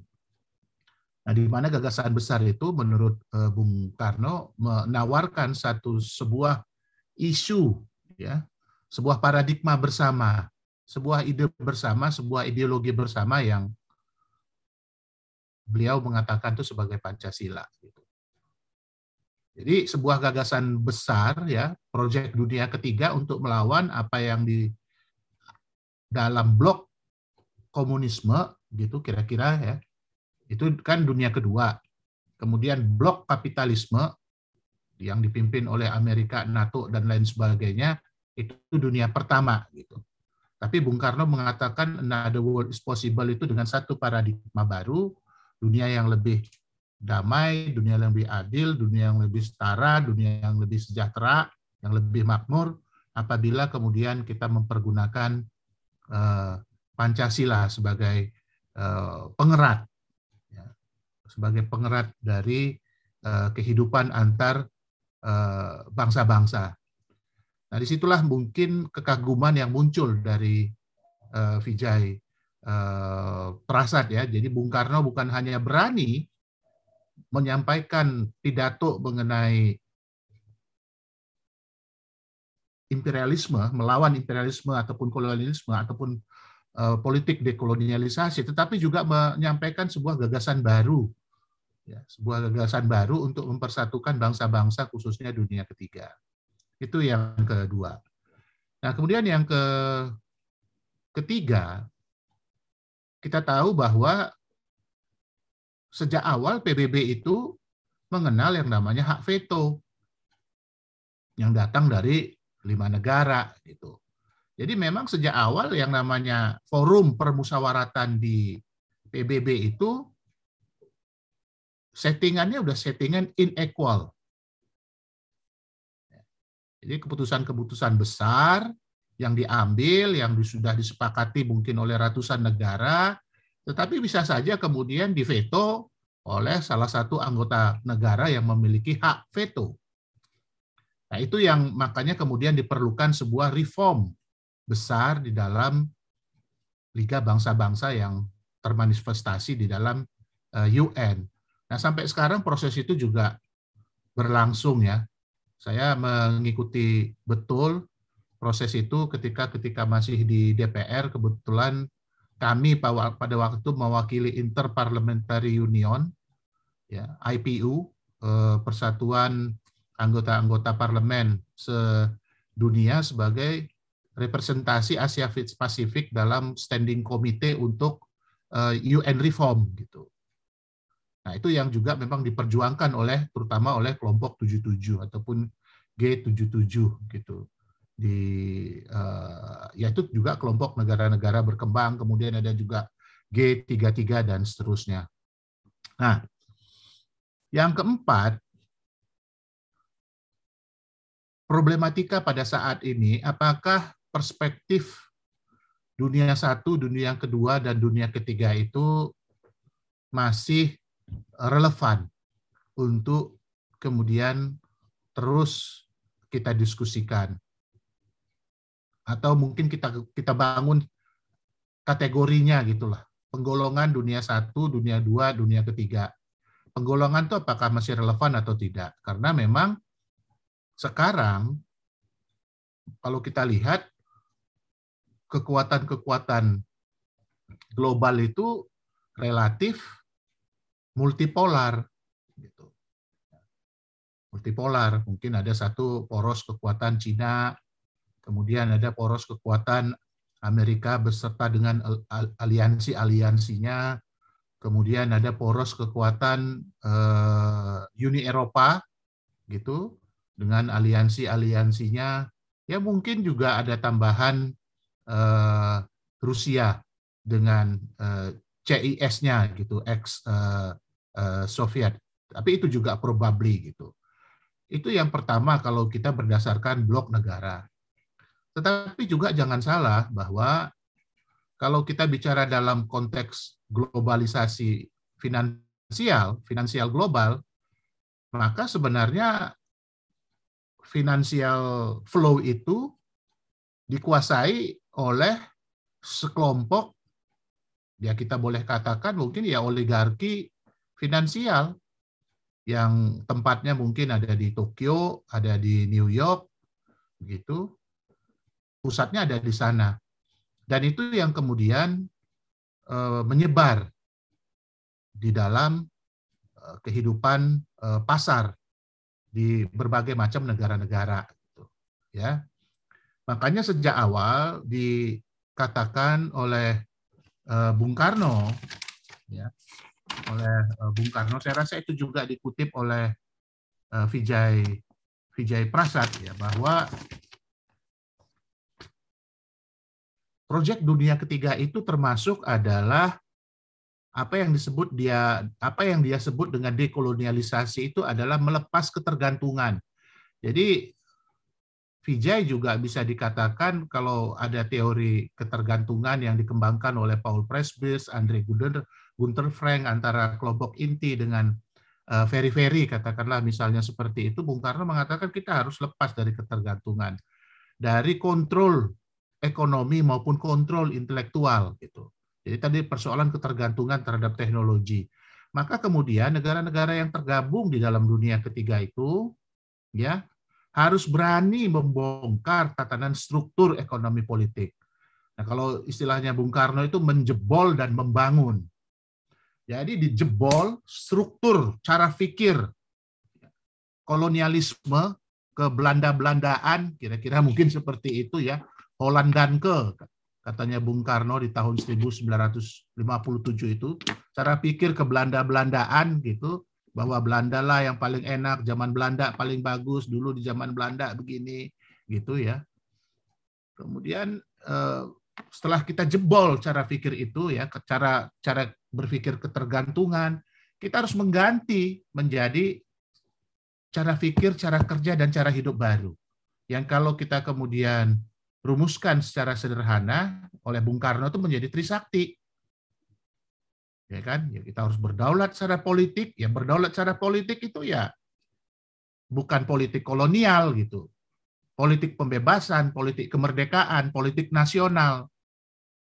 Nah, berdikari secara ekonomi itu juga membutuhkan sebuah penjebolan terhadap struktur dan tatanan ekonomi yang basisnya imperialistis, yang basisnya kolonialistis, yang basisnya ketergantungan, menjadi yang mandiri, yang tentu didasari oleh basis knowledge yang yang kuat gitu. Ya kan basis knowledge yang kuat sehingga kemudian pemanfaatan sumber daya yang dimiliki oleh sebagai sebuah bangsa seperti Indonesia gitu itu bisa dimanfaatkan untuk sebesar-besarnya kemakmuran rakyat. Nah, di situ kita untuk berdikari itu harus bisa juga membangun apa yang disebut dengan intelektual eh, kapital gitulah kira-kira mungkin eh, seperti itu dan itu memang diperlukan penguatan terhadap pencerdasan kehidupan bangsa membutuhkan kekuatan riset dan dan inovasi dalam setiap kebijakan publik harus dilandasi oleh uh, apa yang disebut uh, dengan evidence based policy ataupun riset based policy. Nah, ini sekarang kita udah punya BRIN misalnya sebagai contoh agar kontrol kontrol intelektual itu bukan di tempat bukan di negara lain tetapi di tangan bangsa sendiri gitu. Nah, itu. Maka kemudian kita bisa berdikari secara ekonomi. Yang kemudian yang ketiga adalah berkepribadian secara kebudayaan Trisakti. Jadi Bung Karno itu clear ya eh, ketika kemudian dia eh, menggagas ataupun memperkenalkan Pancasila dalam forum-forum eh, internasional ya di PBB pada waktu itu sekaligus juga jalannya seperti apa, instrumennya seperti apa, roadmapnya seperti apa? Itu yang disampaikan oleh Bung Karno. Ya dengan jalan membongkar tatanan dan sekaligus membangun kerjasama, aliansi kerjasama antar negara-negara dunia ketiga itu. Bantuan teknis, pertukaran pemikiran, pertukaran pelajar, misalnya pertukaran mahasiswa, kemudian eh, apa lagi ya, eh, eh, yang didasari oleh kesetaraan, bukan didasari oleh eksploitasi gitu. Nah, itu yang paling penting ya. Dan kita kan itu yang kemudian dicoba yang di, di, di, di, dilakukan kan banyak sekali kemudian pada tahun pasca 50-an itu mahasiswa-mahasiswa Indonesia, pelajar-pelajar Indonesia bersekolah di berbagai tempat di negara-negara yang dalam kategori dunia ketiga tadi itu ada yang pergi ke India, ada yang pergi ke Cina, ada yang pergi juga sekolah ke Kuba, ada yang ke negara-negara eh, Eropa dan seterusnya gitu. Nah, itu yang Eh, berikutnya. Nah, yang terakhir yang ingin kami katakan adalah bahwa eh, cerita tadi ya mengenai dunia ke satu, dunia kedua, dan dunia ketiga relevansinya pada pada waktu saat ini karena buku itu ditulis tahun 2007. Itu kira-kira 15 tahun yang yang lalu dan kita tahu ada paradigma ataupun ada konsepsi juga yang mengatakan bahwa relevansi mengenai uh, third world itu itu juga udah ketinggalan ya pada pada saat ini karena memang kekuatan bumi yang multipolar. Tetapi menurut pandangan kami ya kalau dalam studi-studi yang berkembang pada uh, saat ini bahwa uh, dunia yang uh, apa namanya ya world inequality itu kan terjadi terus sampai dengan saat ini mereka yang tergolong dalam financial tiken itu memang mengendalikan kehidupan ekonomi. Misalnya contoh di dalam perdagangan biji-bijian, kedelai, kemudian gandum, itu juga hanya dikuasai oleh segelintir kelompok, paling juga empat perusahaan di dunia ini. Jadi ya kartel gitu loh. Jadi ini sebenarnya wujud daripada imperialisme baru. Mungkin sekarang bukan negara, tetapi finansial yang menjadi wujud ataupun kapital gitu loh yang menjadi eh, kekuatan dalam melakukan proses kolonialisasi itu gitu yang tidak dilakukan oleh negara tetapi dilakukan oleh kekuatan kapital.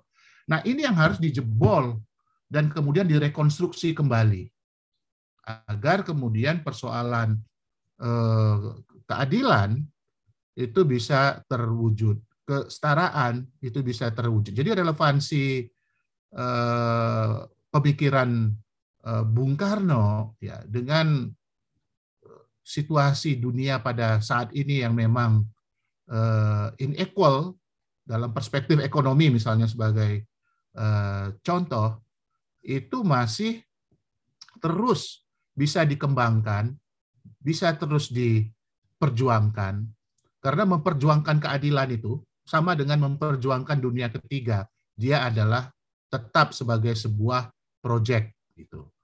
Nah, saya rasa di situ mungkin titik temu antara gagasan dan pemikiran eh, Bung Karno yang berkembang sejak tahun 1920-an sampai dengan tahun 1960-an dan relevan sampai dengan kondisi eh, saat ini. Terima kasih, Dida. Baik, Pak Arief. Eh, kawan-kawan sekalian, bagi yang ingin berkomentar maupun juga memiliki semacam pertanyaan dan sebagainya, silakan. Saya sudah buka teman-teman bisa un unmute sendiri ya. Jadi eh, bisa langsung menyampaikan pertanyaan. Silakan. Ini kita eh, ada sekitar 60 orang yang eh, bergabung di forum ini.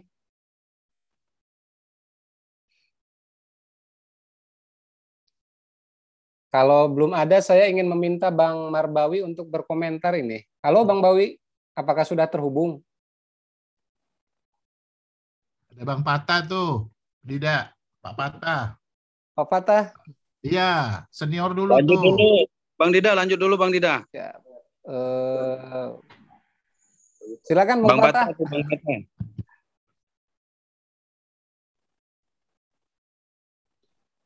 Ya, halo. Hmm. Masih mute, Bang. Masih mute. Di unmute dulu. Ini Arif Setiawan juga. Oh iya ya. Ya Arif. Sekarang udah bisa. Ya silakan, silakan mantap. Ya ya. Uh, saya ada beberapa catatan-catatan saja, mungkin bersifat informatif ya buat uh, Mega Institute, buat Bung Arif ya, buat teman-teman yang muda-muda sekarang ini. Tahun 85 saya dengan Rahmawati itu diundang oleh apa uh, Profesor Vishal Singh ke India Dialah ketua jurusan studi internasional dari Jawaharlal Nehru University. Di situ kita sampaikan kepada mereka mengenai Bung Karno sebagai Soekarno as a national leader, lengkap berbagai tingkah kerja Soekarno, pemikiran Soekarno, dari mulai Asia Afrika sampai Konevo sampai non-blok. Nah, di situ mereka kagum, termasuk bagaimana cara Bung Karno bekerja sama dengan Jepang untuk membangun peta dan TNI. mereka pun mencari persamaan dengan Chandra Brod dan sebagainya. Yang ingin kami sampaikan di sana itu tindak lanjutnya itu yang menarik. Mungkin teman-teman belum pernah dengar atau sudah pernah dengar. Itu setelah itu berlanjut, mereka mengirim mahasiswa untuk S3 hmm. mengenai Bung Karno ke Jakarta. Itu setahu saya sampai tahun 90 itu hampir 20 orang sudah S3. Nah, mereka itu belajar sampai mengumpulin semua monogram Soekarno, tapi 5.000 macam lebih kali. Ke Jogja, ke mana-mana, semua catatan-catatan Soekarno, mereka kumpulin sehingga mereka menjadi ahli masalah Soekarno. Lagi perempuan saya pernah ketemu juga. Di situ juga saya ketemu dengan yang namanya musuh Soeharto nomor satu, Profesor Utrecht. Karena Utrecht saat itu kan juga buronan Indonesia, dan dia adalah sebagai peneliti internasional, ini sebagai gambaran mengenai yang perkembangan sekarang ya. Jadi saya sudah cukup paham apa yang dapat orde baru. Karena situ mereka sudah mengembangkan studi namanya TNC, MNC itu dikembangkan tahun 80-an di India. Yaitu sengaja suatu lembaga riset bagaimana menstudi mengenai MNC dan TNC tersebut termasuk bentuk-bentuk yang disebut nekolimbar itu adalah dalam bentuk organisasi organisasi internasional dan hukum-hukum internasional itu yang mengikat kita WTO dan sebagainya. Nah, di sini sampaikan bahwa mereka bukan fisik yang persoalan yang kita hadapi adalah memang masalah penguasaan TNC MNC melalui penguasaan modal. Seperti Bung Karno katakan, sebenarnya nasionalisme kita itu kan melawan kapital sebetulnya, bukan lagi fisik gitu. Dulunya memang handal maskapai, tapi akhirnya kan yang berikutnya kan adalah kapital uh, kolonialisme. Dalam konteks ini kami mengusulkan mungkin bisa membangun jaringan, Bung Arif, karena teman-teman India itu cukup banyak jaringan pemikir-pemikir progresif seperti ini yang kayak Bung Karno ini tidak hanya di India.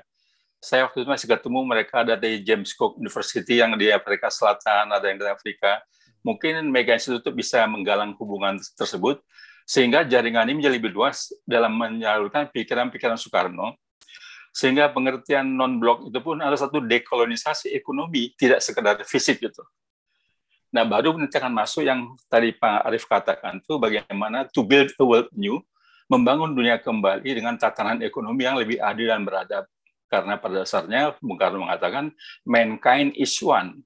Jadi semua kita sama. Jadi bisa disatukan dengan itu. Dengan apa? Human conscience of man. Ini sekedar tambahan-tambahan saja menginformasikan kepada bahan-bahan tadi. Saya lihat yang perasaan ini mungkin dia buku tahun apa 2000 tapi saya pikir yang saya punya bahan-bahan tahun 80 itu jauh lebih masih advance mengenai pergulatan kapitalisme dan internasionalisme tersebut dalam bentuk berbagai perusahaan. Bagaimana dipaparkan di situ yang dikatakan di sini, yang disebutkan dengan namanya alih teknologi itu tidak ada itu yang adalah oh, teknologi obsolete di luar negeri yang mengandung bahaya beracun itu dikirim ke negara-negara berkembang.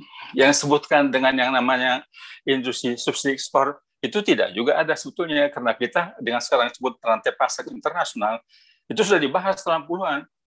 Itulah menjadikan kita subkontraktor dengan istilah yang namanya the second division of labor. Istilahnya lah pembagian divisi internasional, tapi tetap posisi kita tetap di bawah mereka gitu. Jadi tetap tidak akan maju. Jadi nyambung tadi sampaikan oleh Ari Purwanto itu, tetap mereka akan di atas. Nah di sini mungkin pemikiran Habib itu sebagai orang yang lama di sana itu menjadi menarik. Kalau kita mengikuti urutannya terus, kita akan tetap di belakang.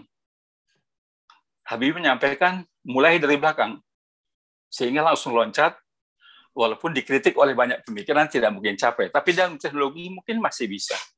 Dengan kerjasama kita sekarang, kita lihat sekarang bagaimana kemajuan teknologi IT, Amerika dengan India mungkin sekarang 50-50 sudah. Cina, India, itu sudah bersaing dengan Silicon Valley-nya Amerika. Jadi beberapa hal mungkin hardware kita berat, tapi kalau untuk program-program masih bisa. Mungkin ini menarik untuk dikembangkan oleh pembantu pemikir di Megawati Institute. Itu saja segala catatan. Sekian, terima kasih. Baik, Pak Patah. Uh, Pak Arif, silakan. Sudah antri Pak Arif. Pak Arif Setiawan. Uh, suaranya belum muncul, Pak Arif Setiawan. Ya, terima kasih Mas Dida.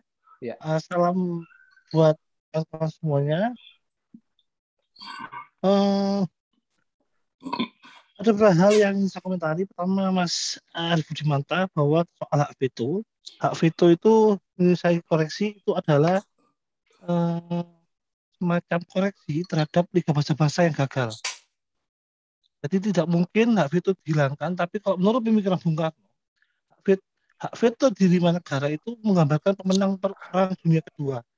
Tapi kok di Award itu ada dikembangkan. Presiden PBB itu hak veto dikembangkan bahwa ada kota-kota baru yaitu dia di Asia, Afrika, dan Amerika Latin yang harus juga diberikan hak veto.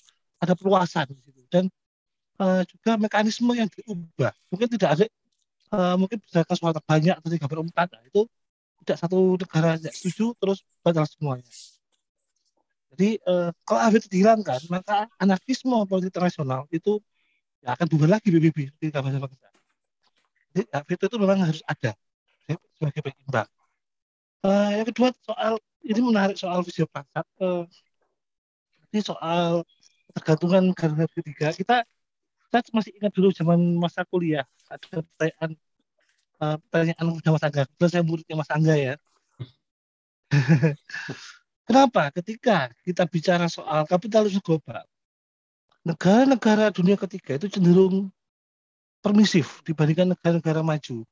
Apa faktanya? Misalnya ketika WTO 911 eh, 9, uh, N99 sorry WTO Seattle bagaimana uh, masyarakat dari negara maju itu memprotes tentang asistensi WTO sebagai eh, penggerak kapitalisme global. Sedangkan di negara dunia ketiga cenderung diam. Atau yang terdekat, bagaimana KTT G20 Hamburg? Ini G20 Welcome to itu ya, di Hamburg 2016. Itu disambut dengan gegap gempita ya, dengan demonstrasi global di sana. Tapi mengapa di negara-negara yang eh, cenderung negara maju itu malah merayakannya? Ini sesuatu kontradiksi. Bagaimana ini Mas melihat kita bicara soal uh, ketergantungan macam-macam, tapi yang uh, digantung ini malah merayakan proyek-proyek untuk membangun ketergantungan tersebut. Terima kasih. Baik. Uh, ya saya tampung dulu deh. Pak Muhammad Ali, silakan Pak Muhammad Ali. Ya, makasih Mas uh, Dida. Videonya. Mohon izin nih Mas Dida nggak aktifkan kamera karena oh, iya, so, oh, sinyalnya iya, iya. agak jelek di sini. Nah, siap, siap, silakan. Iya, ini tadi kan kalau kita bicara tentang konsep dunia ketiga ini kan bukan suatu negara sebenarnya ya. Jadi sebuah gerakan gitu. Nah, yang kuncinya konsep dunia ketiga ini menolak imperialisme dan kolonialisme gitu. Ya kan? Nah, tadi Pak Arif telah menjelaskan bahwa salah satu salah satu apa namanya sumber dari terpusatnya atau terbentuknya kolonialisme ini adalah penguasa, penguasaan modal dan finansial. Nah, di sini saya coba bawa ke mikro aja gitu, Pak. Ke Indonesia gitu secara mikro. Nah, apakah jadi saya pernah turun lapang ke, ke suatu tempat gitu, ke satu daerah, kedua daerah. Jadi kita melihat uh, bahwa di bawah ini ternyata persaingan dan segala macam itu cukup tinggi sehingga yang ada itu adalah bentuk daya saing bukan daya dukung. Jadi contohnya adalah usaha-usaha beras kayak gitu di bawah penggilingan-penggiling kecil udah pada mati gitu. Nah, kalau kita tarik ke sudut pandang modal, penguasaan modal dan penguasaan finansial, perbankan ini kan lebih banyak cenderung untuk memberikan bantu apa namanya kredit-kreditnya ini ke pengusaha-pengusaha besar dibandingkan ke penggiling-penggiling kecil. Pertanyaan saya sebenarnya apakah ini masih salah satu bentuk budaya gitu?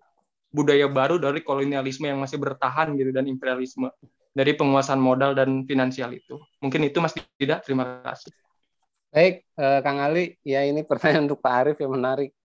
Jadi eh, saya akan ke Mas Angga dulu deh. Silakan Mas Angga, ada yang mau disampaikan? Mas Bawi nggak ngomong dulu tuh. Nggak tahu ini Bang. Halo Bang Bawi, ini di, ditunggu Mas Angga masalahnya, Bang Bawi. Lanjut dulu Pak Erlangga, Pak Dida. Saya ini habis bukber kekenyangan ini. Baik, baik, baik. Silakan Mas, Mas. Oke. Okay. Uh, iya, ini tadi saya mau sebenarnya melanjutkan ada satu hal yang uh, apa ya, yang belum sempat saya uraikan tadi. Ini, ini terkait dengan uh, pertanyaan dari uh, ya kawan saya, mahasiswa saya juga Arif ya. Soal kenapa justru kecenderungan yang ada sekarang misalnya menunjukkan bahwa negara-negara dunia ketiga dan masyarakatnya justru lebih tidak sensitif terhadap kelanggengan eh, proyek-proyek yang menunjukkan ketergantungan negara dunia ketiga terhadap dunia pertama. nah, eh, sebetulnya gini kalau kalau saya melihat eh, itu berhubungan dengan apa yang hilang setelah proyeksi politik dunia ketiga ini apa ya lenyap atau kemudian lemah atau kemudian kalah oleh kekuatan-kekuatan yang reaksioner.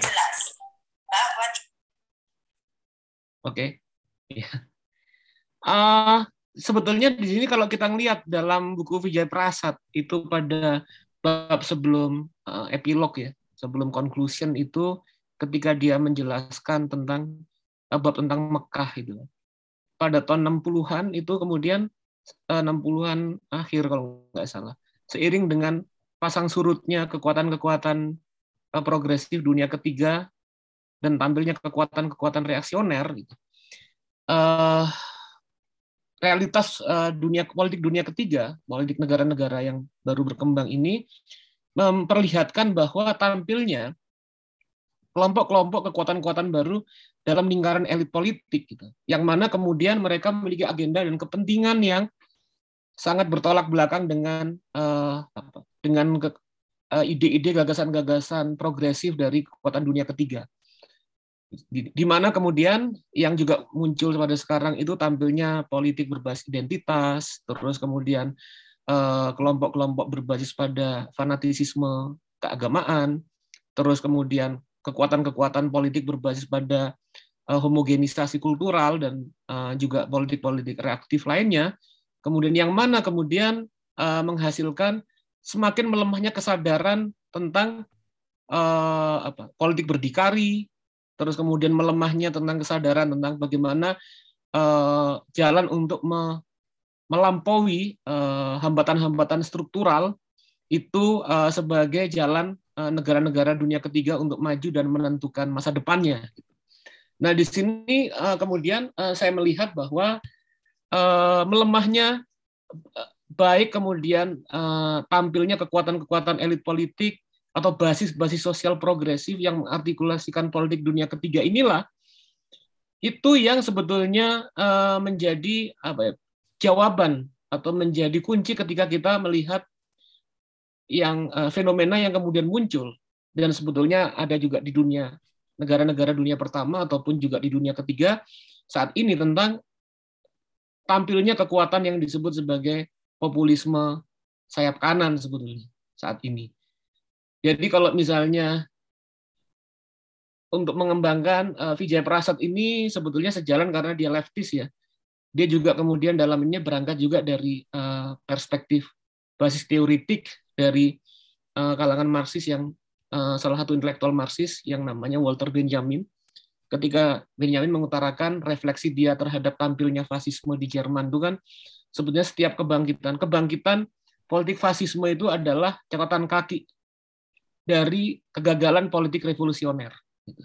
Nah di sini kalau kita lihat bahwa uh, salah satu catatan dari apa apa yang hilang dari politik dunia uh, dari politik kita setelah proyek politik dunia ketiga ini melemah, ya kemudian kita melihat tampilnya kekuatan-kekuatan reaksioner berbasis politik identitas.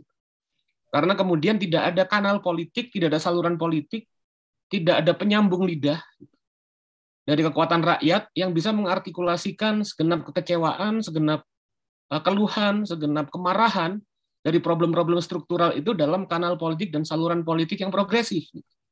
Yang ada adalah bahasa-bahasa kebencian diartikulasikan dalam politik reaksioner. Gitu. Nah ini yang kemudian menunjukkan bahwa uh, tidak ada apa tidak ada sensitivitas, tidak ada awareness, tidak ada kemudian uh, kesadaran bahwa uh, problem-problem ketergantungan itu adalah salah satu persoalan yang harus di apa yang harus dijawab harus dilampaui oleh negara-negara dunia ketiga.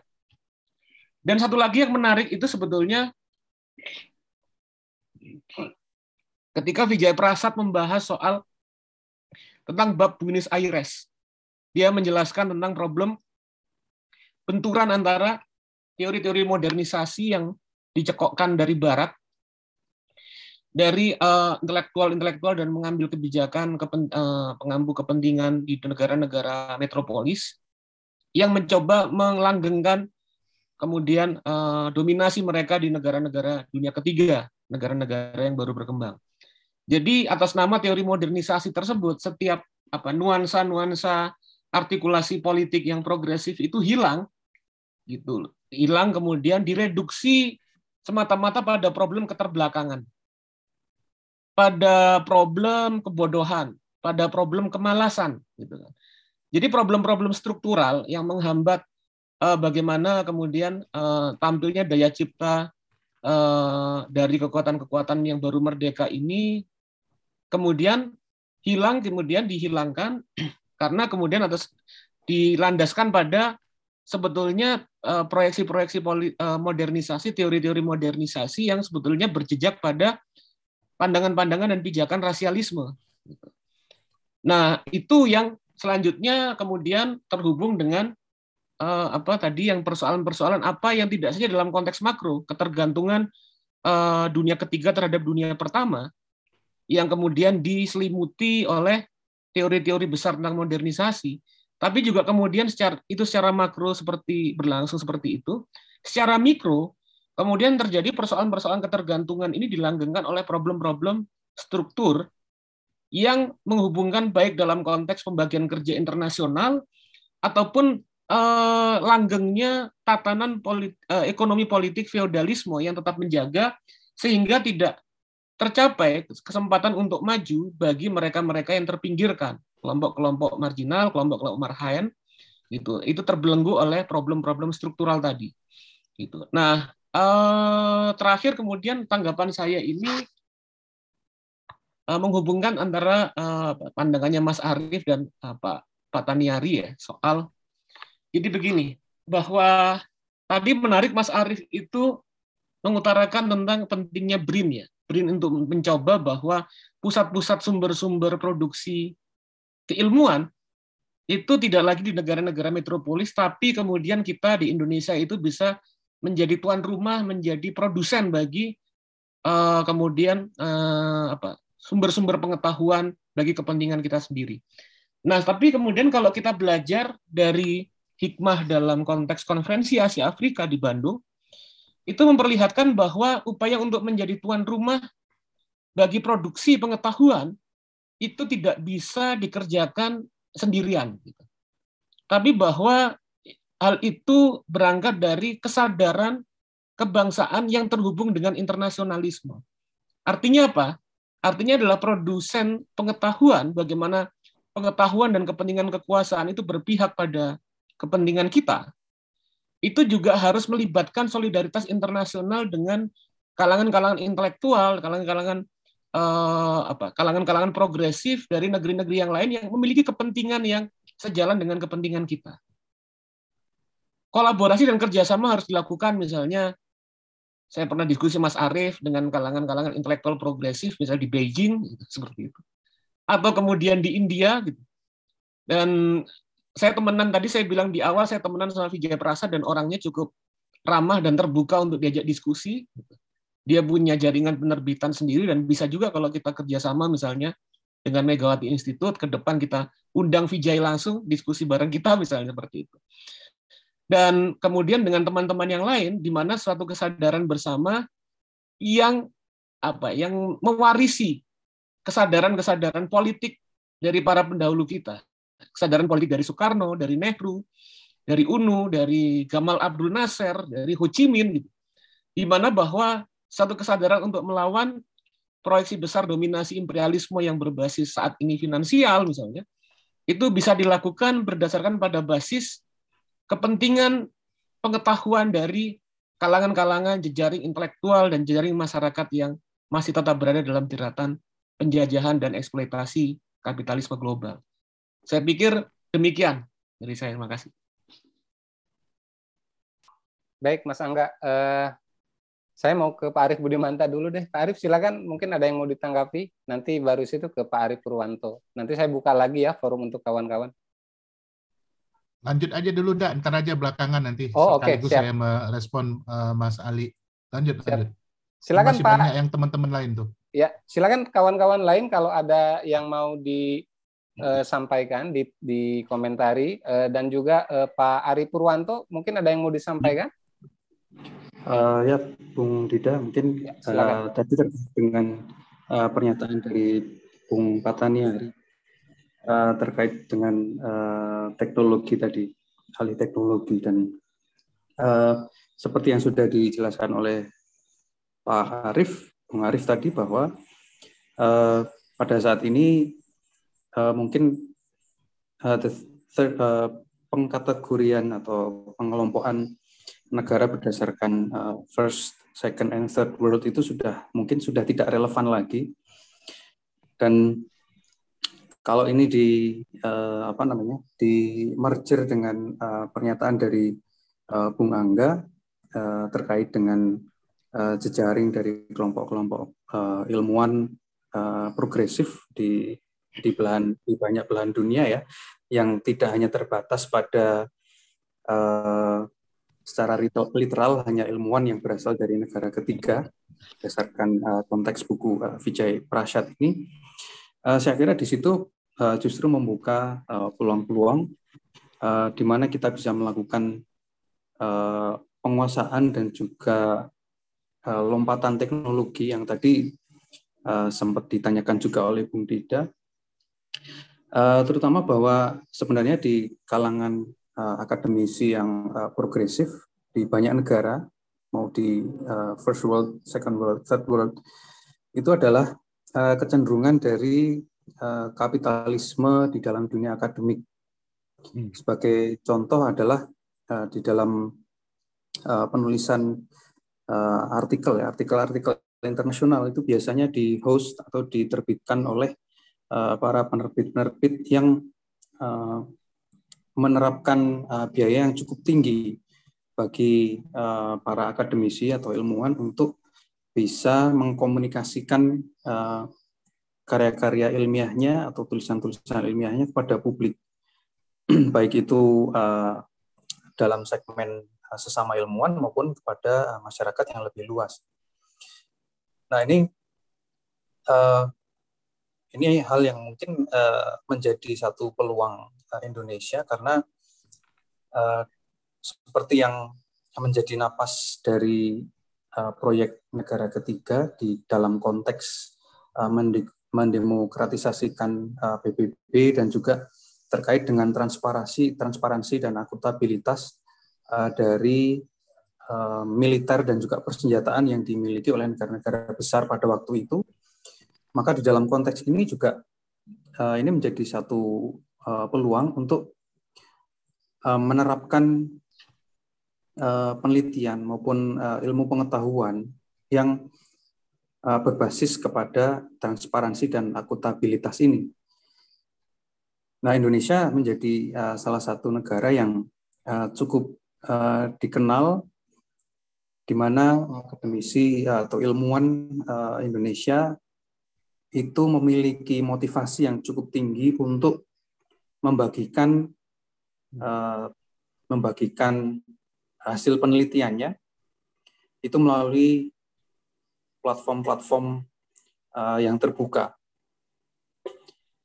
Yang uh, di dalam uh, di satu sisi itu berusaha untuk uh, melawan uh, dominasi dari uh, kapitalisme uh, akademik yang diterapkan oleh uh, para penerbit-penerbit besar. Nah, uh, kalau tidak salah gerakan ini juga sudah dimulai oleh teman-teman uh, dari Universitas Airlangga ya, yang uh, kita uh, istilahkan sains terbuka atau uh, open science di mana uh, di situ kita ber, bisa berkolaborasi dalam tidak hanya berupa hasil dari penelitian akan tetapi juga uh, berkolaborasi di dalam hal uh, berbagi uh, data yang kita kumpulkan selama penelitian. Prinsip dari memajukan ilmu pengetahuan itu kan sebenarnya kita mengembangkan ya, kalau kita mengembangkan atau membuat sesuatu yang baru dari apa yang sudah ada. Kalau di uh, uh, diistilahkan oleh uh, Isaac Newton itu berdiri di atas uh, bahu raksasa. Artinya bahunya sudah ada, terus kemudian kita bisa melihat ke depan. Nah, dalam hal ini uh, dengan uh, kolaborasi antara uh, ilmuwan-ilmuwan yang progresif di seluruh bagian uh, belahan dunia dan uh, kemudian kita juga bisa berbagi uh, data penelitian yang ini bisa kemudian uh, menarik karena ilmuwan-ilmuwan uh, yang lain itu bisa menggunakan data yang sudah kita collect tadi, sudah kita kumpulkan tadi, kemudian menambahkan Eh, perspektif perspektifnya. Jadi akumulasi dari data yang diperoleh dari penelitian ini tentu akan menjadi uh, salah satu uh, faktor yang bisa memacu atau mempercepat penguasaan ilmu pengetahuan dan juga teknologi. Nah, itu yang mungkin bisa saya tawarkan di dalam konteks ini. Terima kasih Bung Dida. Baik Pak Ari, silakan kawan-kawan ada yang pertanyaan lagi? Oh ada, ternyata dari Pak Irfai Afham ya. Silakan Pak Irfai. Selamat petang semuanya. Saya Irfan dulu Pak eh, Irfai, eh, mungkin kameranya di UNER. kameranya off saja. Di, di Paris. Pa- ya, off saja. Oh, ya, oke. Karena Oh, ya. eh, berat sinyalnya. Iya, iya. Silakan. Ya, ya, saya sudah saya- Eh, saya alumni UNER sekarang eh, sedang kuliah S2 di Paris ngambil ilmu politik. Nah, eh, mungkin eh, nyambung sama cerita mengenai dunia ketiga ada mungkin ada bagian yang sering kali ini dalam diskusi em, di Indonesia ada dunia di Afrika misalnya dunia Afrika yang francophone bekas jajahan Prancis itu sangat luas Eh, kita bagaimana kita tahu nah yang menarik di di negara-negara Afrika ini em, satu yang paling dikenang tentang Indonesia itu soal negara Islam terbesar itu eh, Soekarno dan Konferensi Asia Afrika itu itu benar-benar terbukti juga setelah kuliah di sini ternyata Indonesia jempol. Nah eh, kembali eh, mungkin saya sedikit meruntut tentang tadi Mas Angga sempat mencat apa berbicara tentang sejarah di Prancis sendiri. Nah kalau kita berbicara tentang kiri kan sejarahnya awalnya kan dari budaya Prancis Jerman toh eh, pro monarki dan anti monarki. Nah, untuk eh, saya sepakat bahwa untuk em, proyek besar di negara dunia ketiga ini ini bakal sangat panjang juga karena eh, negara-negara dalam tanda, kutip Barat juga terus menerus mengekstraksi ilmu pengetahuan perlu semacam hibridasi yang sangat panjang juga. Em, misalnya dalam taken Eh, kita nggak bisa tentu misalkan menyamakan gerakan di Eropa yang mereka mungkin mengklaim sejarah itu sampai revolusi Perancis yang sangat panjang ke belakang nah, di mana yang di, dilawan sendiri di sini juga eh, tadi sempat dikutip Mas Angga em, Perancis juga ya sem- sempat apa namanya melakukan apa namanya pengkhianatan. Itu yang benar eh, dalam hal eh, secara revolusi Perancis bahkan mereka melakukan penaklukan di internalnya sendiri. Dalam artian eh, di, apa namanya wilayah-wilayah di luarnya bahkan soal budaya juga di, di sini tidak seperti Indonesia. Penyatuannya itu secara paksa bagaimana wilayahnya akhirnya jadi penutur bahasa Perancis. Nah, em, permasalahannya di sini adalah negara kemudian tampil kuat akhirnya banyak budaya di pinggiran pinggirannya akhirnya eh, istilahnya itu musnah bahkan. Nah, kembali ke diskusi mengenai dunia ketiga, eh, saya sepakat bahwa yang, eh, seharusnya em, lebih banyak di istilahnya mungkin bisa diangkat lebih lanjut adalah sirkulasi di sama dunia negara dunia ketiga. Fakta bahwa ilmu pengetahuan terus diekstraksi di barat memang benar. Bahkan sampai pada arkeologi yang itu sejarah yang seharusnya itu didiskusikan di Indonesia itu mereka mengekstrak itu didigitalkan, di- disimpan di perpus-perpus eh, apa namanya orientalis bahkan mereka dengan pride-nya ya untuk mengembangkan karir macam-macam dan kalangan ilmu barat yang kritis pun mereka terbelah juga. Ada yang memang konsisten misalkan menyuarakan apa namanya hak negara apa bangsa-bangsa dunia ketiga di antara orang kulit putih juga em, itu apa ada pembel terbelah semacam itu. Ada juga yang ya sekedar melanjutkan apa namanya em, karirnya nah, eh, Ya, saya Pak Rudi saya putus-putus. sirkulasi Eh, Pak di Pak Irfai, maaf maksud saya putus-putus. Halo. jadi peluang yang masih istilahnya itu masih ba- banyak hal yang bisa dikembangkan di internal di Asia, di Afrika dan Amerika Latin misalkan. Ya, mungkin itu saran dari saya. Baik, Terima baik kasih. Pak Irfai. Eh, putus-putus tapi eh, mudah-mudahan Mas Angga bisa menangkap ya pertanyaan. Tapi putus-putus beberapa agak oke. Oh ya, ya. Ya, oke. Eh, Eh, mungkin i- ya, itu, eh, itu saja remark, remark Oke, dari baik. saya tentang Ah. sirkulasi di dunia ketiga itu itu eh, Ya. saya bahwa itu sirkulasi di dunia ketiga ya. eh, Oke, bisa oke. jadi potensi untuk dikembangkan. Ya, Baik, baik, terima baik. kasih saya kembalikan ke Pak Dida. Silakan ada yang lain tadi dari Pak Irfai Afham, lalu ada yang lain silakan. Oke. uh, mungkin termin terakhir ya saya buka. Silakan kalau ada kawan-kawan. Oke, ini uh, ini ada yang melalui chat ya. Uh, mungkinkah langkah Bung Karno menasionalisasi perusahaan-perusahaan Belanda di Indonesia dilakukan pada saat ini? Misalnya menasionalisasi sebagian areal perkebunan sawit yang dikuasai perusahaan-perusahaan besar. Oh, Oke, okay. intinya nasionalisasi perusahaan ya. Apakah itu memungkinkan atau itu mungkin semacam uh, mimpi di siang bolong ya, kira-kira seperti itu ya. Baik Pak Nur Asasi sudah ditangkap pertanyaannya. Ada yang angkat tangan tuh Mas Jida. Sudah, sudah, sudah Bang tadi. Okay. Pak Irfai Afam sudah.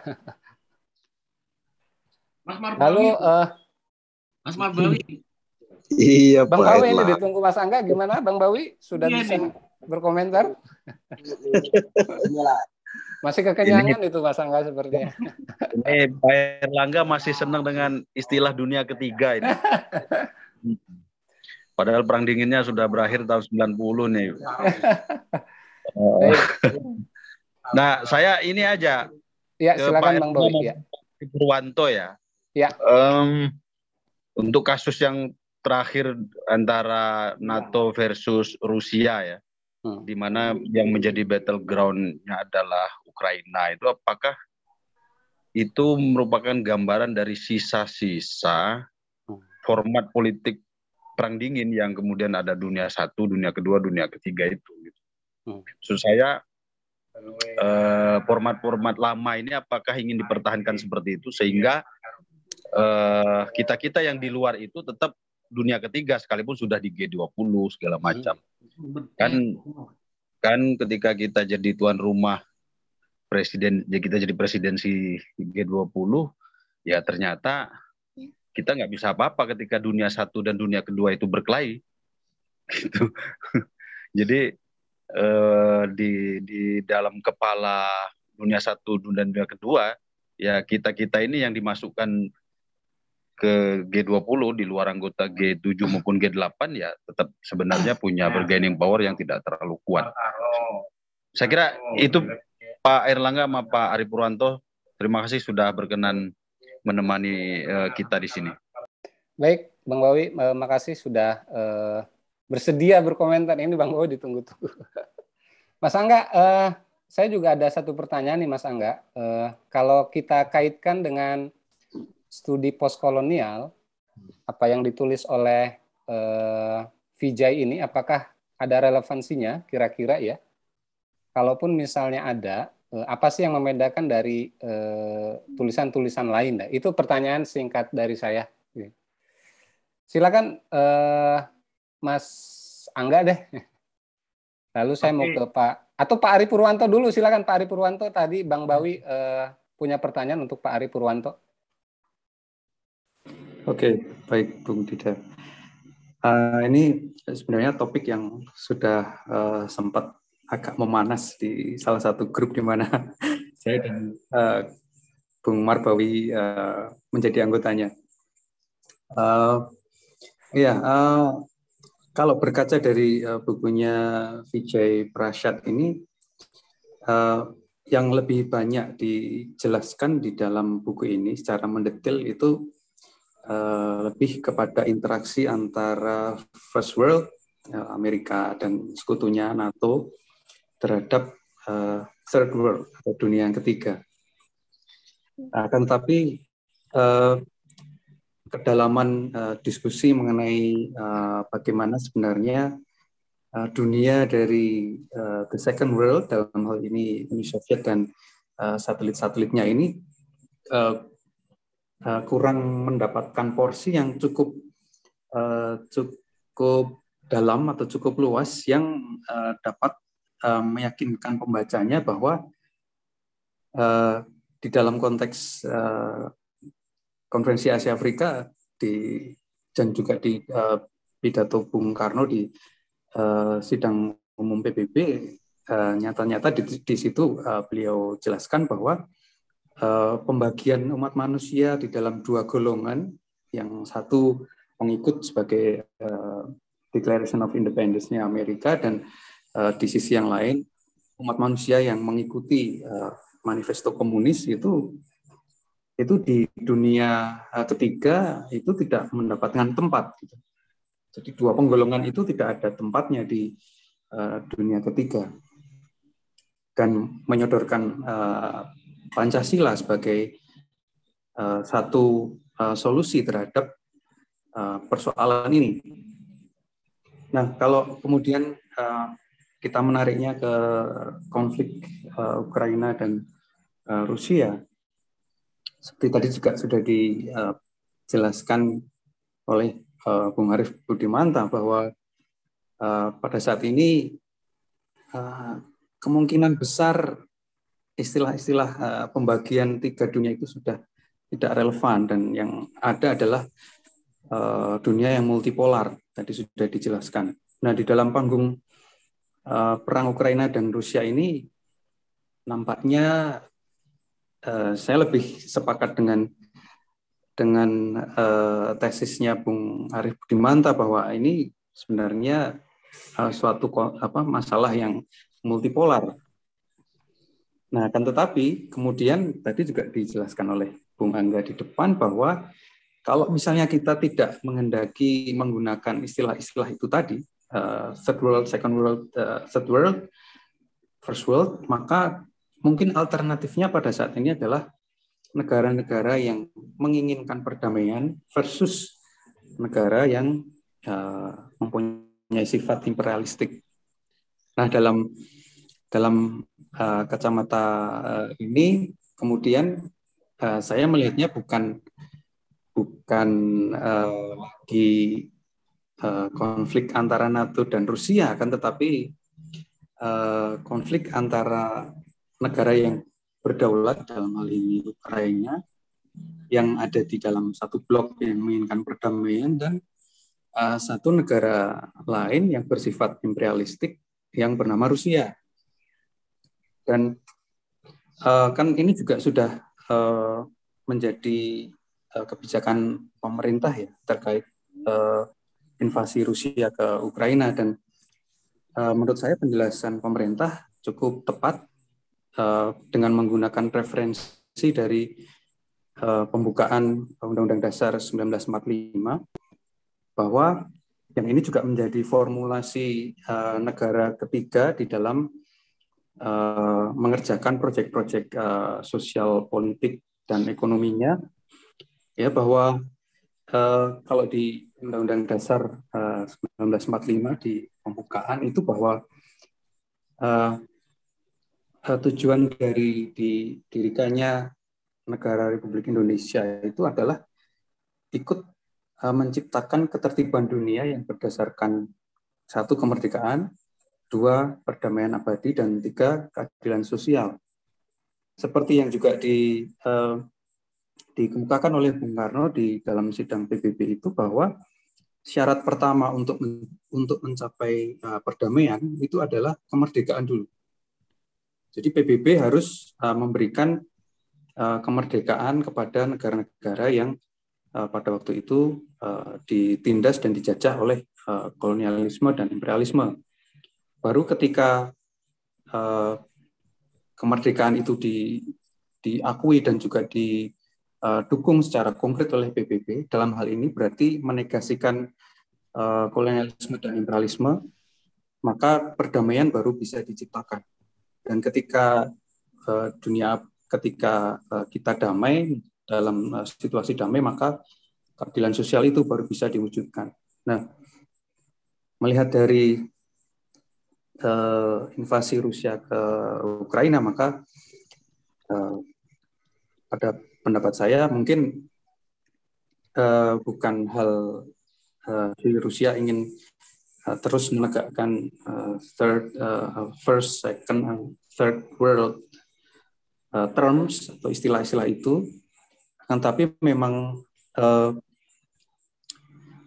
uh, mungkin kita juga bisa berkaca ke pidatonya Bung Karno di situ bahwa uh, nasionalisme nasionalismenya bangsa Eropa itu adalah nasionalisme yang bersifat uh, ekspansif dan kalau kita lihat memang eh, berdirinya negara-negara di Eropa itu kan berbasiskan satu suku atau mungkin satu bahasa yang sama.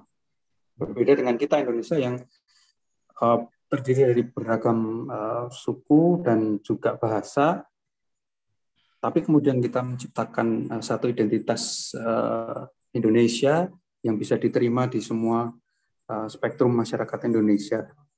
Nah, Rusia karena uh, dia berbasiskan etnik uh, mayoritas Rusia, mungkin uh, dalam hal ini uh, cukup pas kalau kita yang menyebutnya sebagai nasionalismenya Rusia itu adalah nasionalisme yang ekspansif.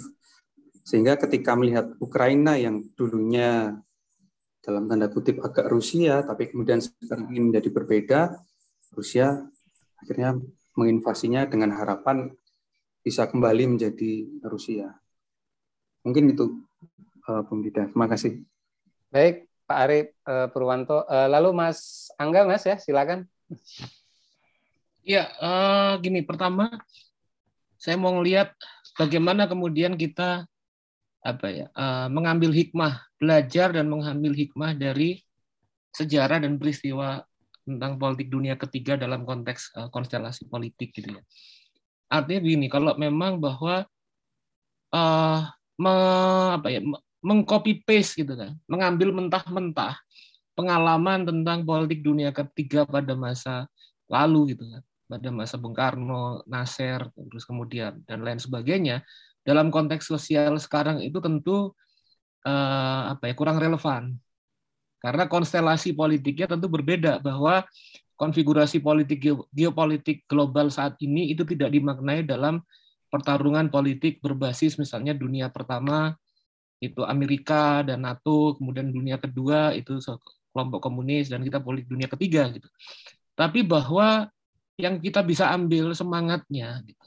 dalam perspektif kira-kira landasan uh, berpikirnya atau teoritiknya misalnya itu saya kira masih uh, sangat relevan untuk konteks sekarang gitu. Dalam artian misalnya bagaimana uh, rumusan gitu mapping uh, teori sebagai satu political mapping untuk melihat masa depan transformasi sosial itu kemudian uh, bisa kita pelajari menghubungkan tentang bagaimana pada waktu itu Indonesia sebagai bagian dari negara yang baru merdeka untuk bisa menentukan masa depannya kemudian di luar kontrol dari eh, apa, bekas jajah penjajahnya maka kemudian aliansi dan eh, menghimpun kekuatan politik yang memiliki kepentingan bersama dengan negara-negara yang baru merdeka itu menjadi salah satu eh, proyeksi politik yang penting. Dalam konteks sekarang misalnya di era eh, apa uh, di era saat ini, ketika kemudian dunia uh, multipolar, kita bisa melihat bagaimana menghubungkan kepentingan-kepentingan dalam kondisi dan suatu perubahan sejarah yang sedang berlangsung.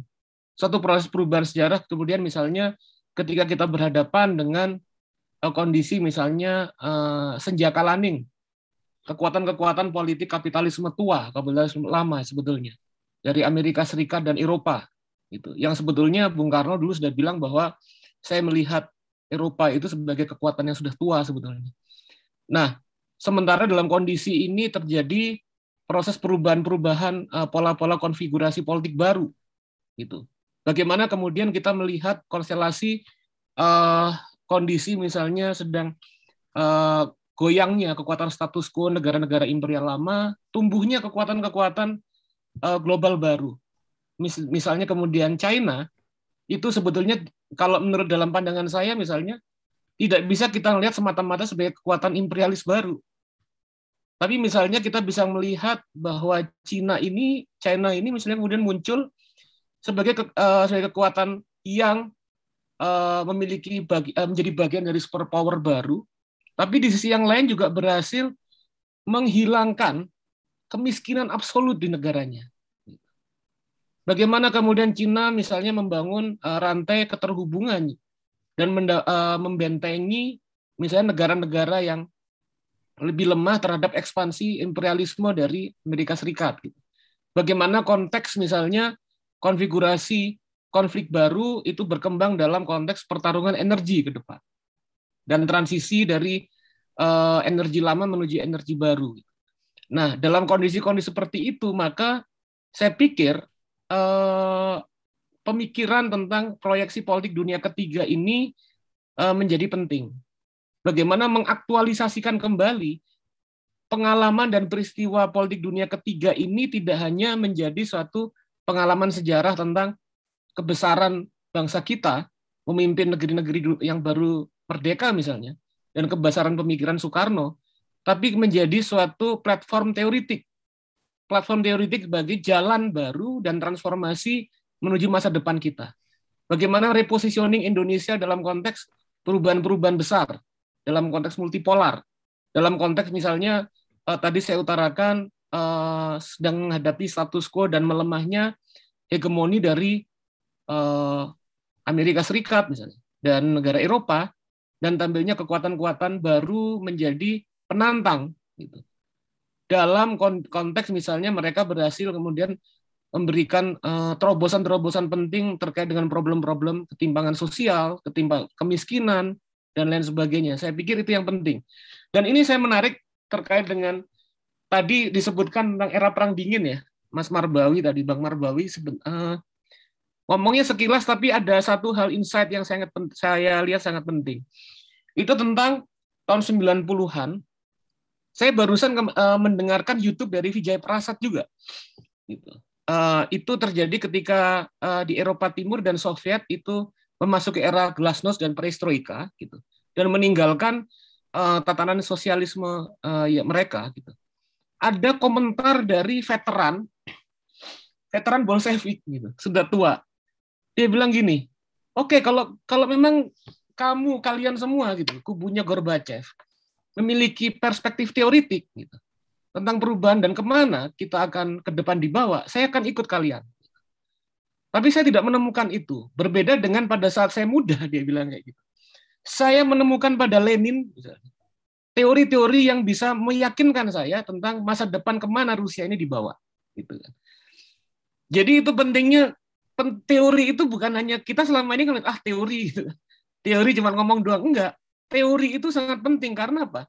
Teori itu adalah kemampuan kita melakukan abstraksi dan kemampuan kita, kita kemudian mer, uh, apa ya, memperas dan menemukan peta jalan peta jalan ke depan, guide dan map, political map ke mana kemudian kita ke depan mengarah.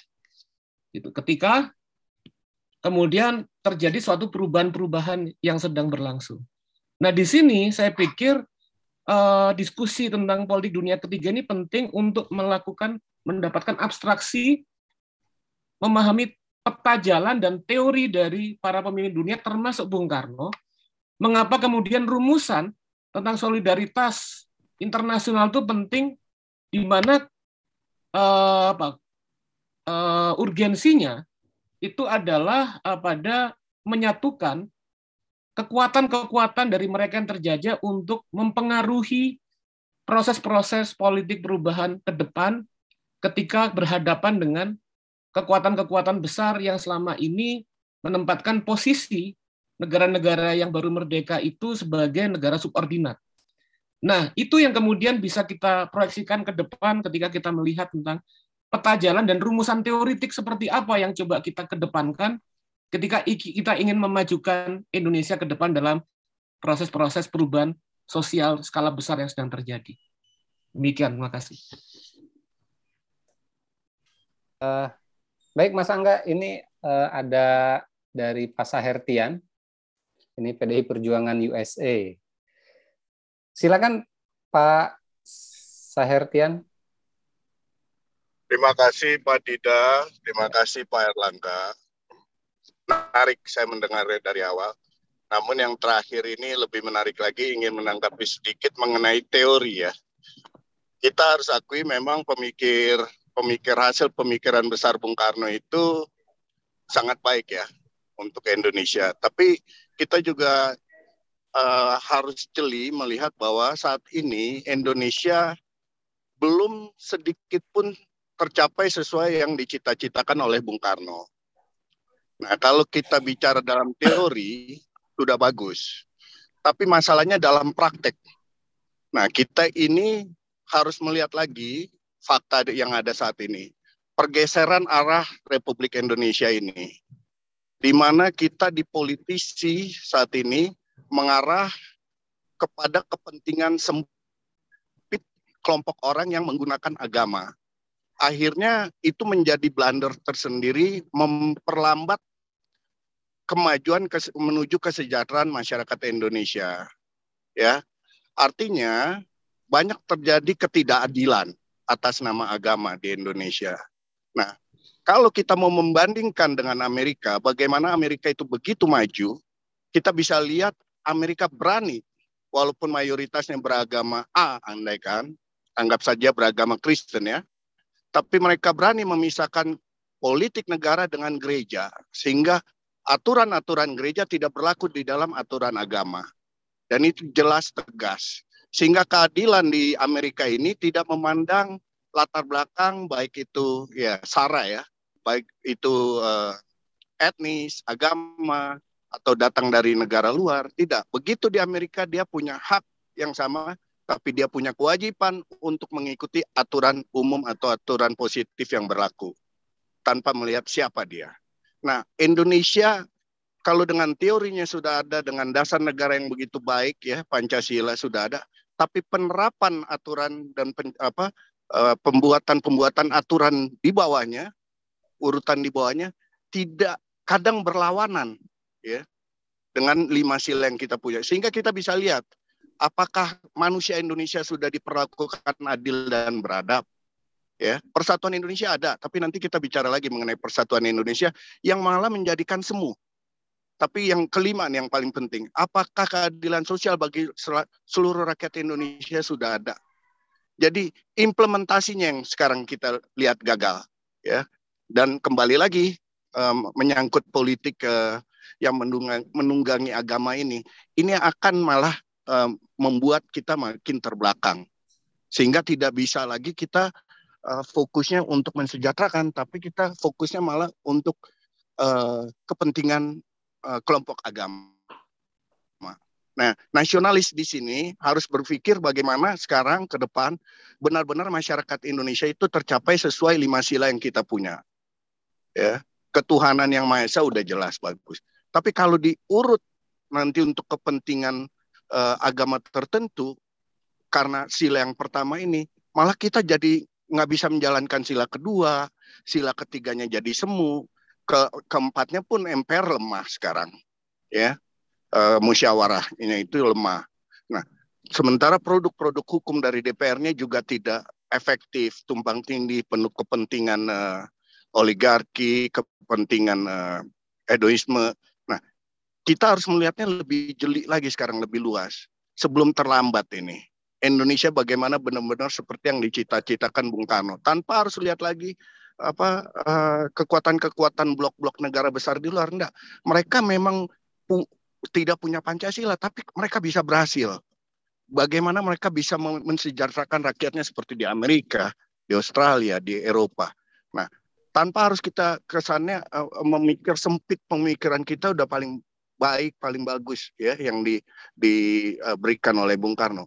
Tapi masalahnya implementasinya kita gagal. Kita baik, baik. tidak tercapai apa yang dicita-citakan saat ini. Nah itu yang harus kita pikirkan nih Pak. Ya, baik, nasionalis kita harus bertumbuh, harus kuat tanpa dipersempit oleh suku, ras, agama atau etnis. Mungkin itu aja Pak. Terima kasih baik, Pak. Baik Pak Saherdian. Uh, ini kita sudah pukul 10 lewat 24. Eh, silakan Mas Angga ya. Mas Angga lalu Pak Ari eh, singkat singkat nanti saya mau ke Pak Arif karena Pak Arif ada yang ada yang harus dijawab dari Pak Arif. Ya, silakan. Ya. Ya, saya coba jawab sedikit ya soal itu. Gimana menjelaskan soal bahwa implementasi dari negara kita ini nggak sejalan dengan Pancasila dalam dalam pandangan teoritik, kira-kira seperti itu. Nah, apa teoritisasinya dari persoalan yang kita hadapi sekarang? Kalau kita uh, uraikan ke belakang, ini yang yang merumuskan Pancasila, gitu kan. Tokoh-tokoh yang merumuskan Pancasila itu kan sebetulnya adalah juga tokoh-tokoh yang uh, apa ya semangat, ruh dan perspektif pandangan mereka itu kan sejalan dengan proyeksi apa ya politik dunia ketiga sebetulnya kan dalam semesta berpikir dunia ketiga. Nah, sementara kita tahu bahwa sejak tahun sejak kalau di Indonesia sejak jatuhnya Soekarno gitu, sejak tahun 70-an gitu kan. Proyeksi politik dunia ketiga ini kan melemah.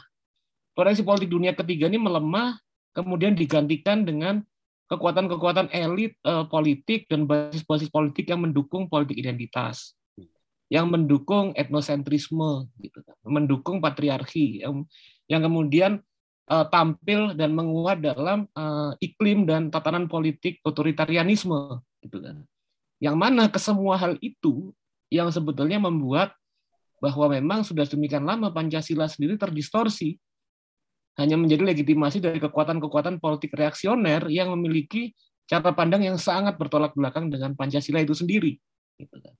Nah itu yang sebetulnya secara teoritik karena absennya kekuatan politik progresif dalam mempengaruhi ruang politik di Indonesia dan di negara-negara yang lain, dan tampilnya kekuatan-kekuatan reaksioner serta kekuatan-kekuatan uh, elit yang uh, tidak peduli dengan agenda politik kerakyatan, gitu. maka kemudian yang terjadi adalah penyimpangan langkah-langkah tindakan politik dari garis politik Pancasila, kira-kira seperti itu. Dari garis politik progresif yang menjadi semangat dari internasionalisme nasionalisme dari uh, politik nasionalisme progresif gitu yang tadi diutarakan uh, yang apa ya yang anti terhadap penindasan gitu dan lain sebagainya gitu. Saya pikir itu yang harus dikembangkan dan itu adalah suatu pro, proyek politik gitu. Proyek politik bersama yang berjalan dalam jangka waktu yang panjang. Nah, ini kemudian saya coba mau nambahkan sedikit ya. Uh, terutama kalau saya melakukan otokritik terhadap diri saya sendiri atau kemudian kalangan-kalangan aktivis dan intelektual progresif gitu. Seringkali kita ini kemudian masuk dalam arena politik itu menjadi apa ya orang yang menghakimi proses politik.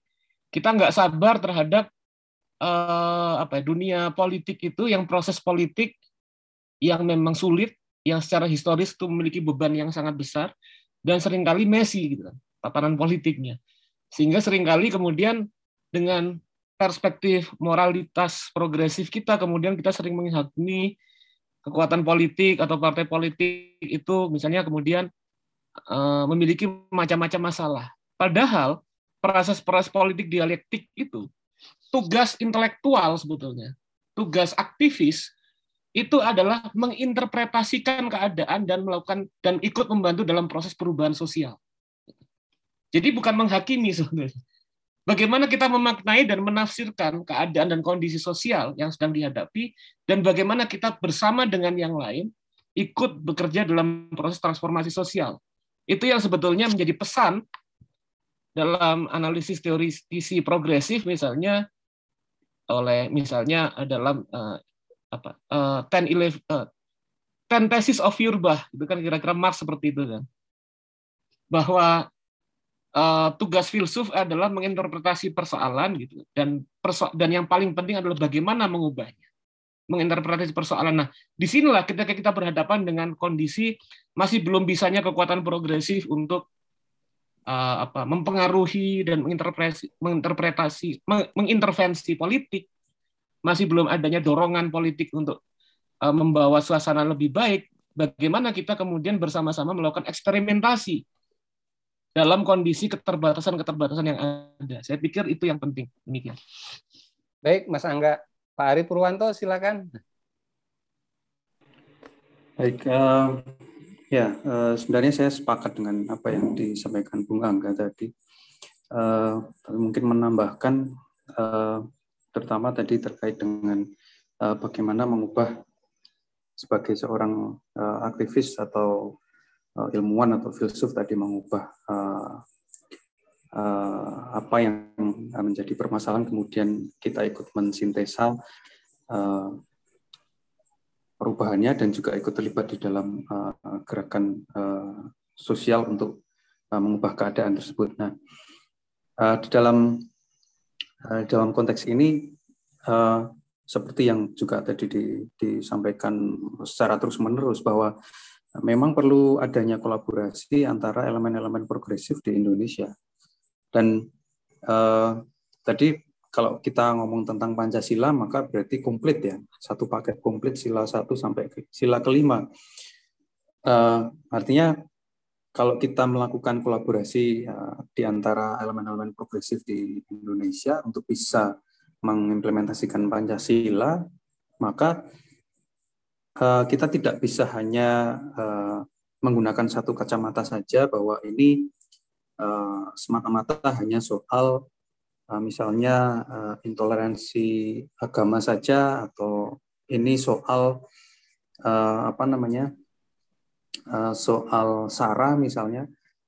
Kan tapi kita tarik dalam lima elemen dari pancasila itu bahwa kelima limanya itu harus disasar. Artinya uh, kita harus bisa uh, dalam berkolaborasi dengan elemen-elemen progresif uh, tentu kita tidak bisa meninggalkan teman-teman yang mungkin memang aktivitasnya atau menjadi aktivis di dalam lingkungan yang berbasis agama misalnya. Karena di dalam apa namanya gerakan sosial misalnya di negara ketiga seperti di Amerika Latin uh, di situ agama bisa menjadi salah satu uh, motor untuk pembebasan uh, misalnya teologi uh, pembebasan ya di uh, Amerika Latin dan juga di bagian-bagian dunia yang lain di mana misalnya Buddhisme, kemudian Islam itu juga menjadi sumber inspirasi untuk uh, memerdekakan atau membebaskan orang dari atau rakyat dari uh, uh, penindasan. Nah, ini yang uh, kita mungkin harus kembangkan jaringan uh, kolaborasi antar elemen progresif. Saya yakin di kalangan Islam itu ada yang progresif, di kalangan Kristen juga demikian, Buddha, Hindu, uh, kemudian uh, Konghucu, kemudian di kalangan uh, kepercayaan terhadap uh, Tuhan Yang Maha Esa ataupun di keyakinan-keyakinan lain yang mungkin belum di, diakui secara formal oleh negara ya itu saya yakin ada elemen-elemen progresif di dalamnya yang yang juga mendukung aspirasi dari uh, Pancasila tersebut.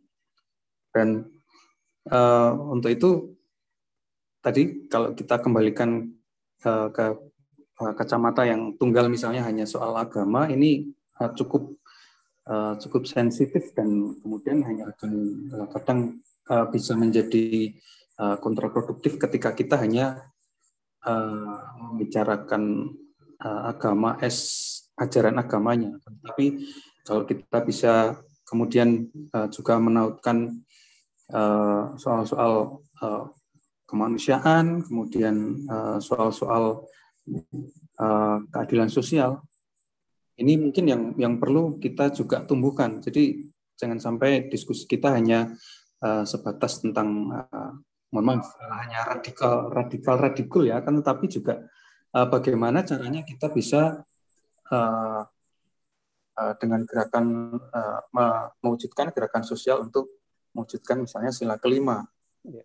Nah, kalau uh, lima elemen dari Pancasila ini bisa kita uh, kita uh, gerakkan melalui kolaborasi organisasi-organisasi uh, progresif di Indonesia uh, dan seperti yang Vijay uh, Prasad uh, sampaikan jangan berpikir uh, short term tapi long term. Jadi yang kita pikirkan uh, itu jauh ke depan.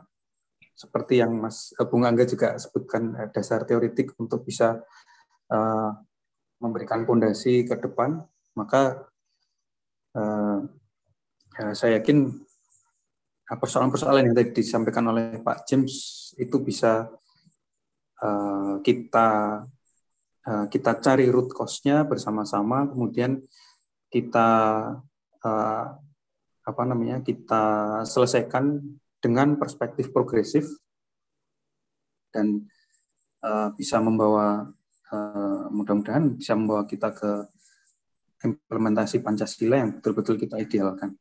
Baik. Mungkin baik, itu Bung Didi. Ya. Baik Pak Ari, uh, silakan Mas Angga sedikit katanya mau menambahkan. Ya, ya saya sedikit ini uh, nyambung dari Mas Ari ya. Dan ini berhubungan juga relevansi dengan kajian kita tentang dunia ketiga. Bahwa sebetulnya uh, kalau kita apa ya, baca secara dalam karya Vijay Prasad, salah satu uh, hikmah yang kita dapatkan itu bahwa Vijay itu menunjukkan bahwa pengalaman dunia ketiga di berbagai negara itu memperlihatkan begitu kayanya gitu. perjumpaan intelektual, terus kemudian pengalaman-pengalaman historis yang mempertemukan dari negara-negara dunia ketiga, terus kemudian pemikiran-pemikiran intelektual dari uh, berbagai macam tokoh dan aktivis intelektual di sana, di mana uh, salah satu yang bisa kita dapat adalah bahwa sumber-sumber politik progresif yang ditampilkan diartikulasikan oleh para intelektual ketika berhadapan dengan kondisi neokolonialisme, eh, kondisi kolonialisme dan selanjutnya neokolonialisme itu bisa berangkat dari berbagai macam sumber. Dari sumber misalnya artikulasi politik kebangsaan seperti yang ditarakan Soekarno. Dari sumber misalnya sumber-sumber politik yang berbasis pada agama eh, fondasi eh, politik progresif itu bisa diartikulasikan. Juga kemudian dari perspektif tentang pemikiran-pemikiran ideologi sosialis yang mana sebetulnya itu bukan hanya unik misalnya ditemukan di Indonesia oleh Soekarno gitu tapi juga kemudian di Burma oleh UNU juga kemudian di uh, India, juga seperti di Aljazair seperti Franz Fanon, itu dan di berbagai macam uh, belahan dunia ketiga, kita bisa menemukan suatu nuansa yang kompleks dan sangat kaya tentang uh, bagaimana perjuangan dari uh, masyarakat yang terjajah ini menemukan dirinya sendiri dengan tradisi perjumpaan-perjumpaan intelektual yang beragam. Dan konferensi Asia Afrika salah satu sumbangannya adalah terjadinya perjumpaan kultural dari berbagai macam bangsa untuk menemukan uh, politik istilahnya berdikarinya gitu, dari berbagai macam bangsa.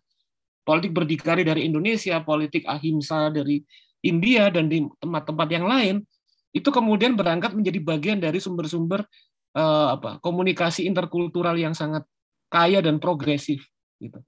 Nah, di sini saya pikir uh, kembali kemudian terkait dengan apa rumusan kalau saya kemudian uh, apa kalau kemudian misalnya kembali dalam meninjau hubungannya politik dunia ketiga dengan Soekarno misalnya satu hal yang uh, kurang kita sering kali kurang kita elaborasi secara lebih mendalam bahwa Soekarno itu memberikan sumbangan dan legacy teoritik yang sangat berharga.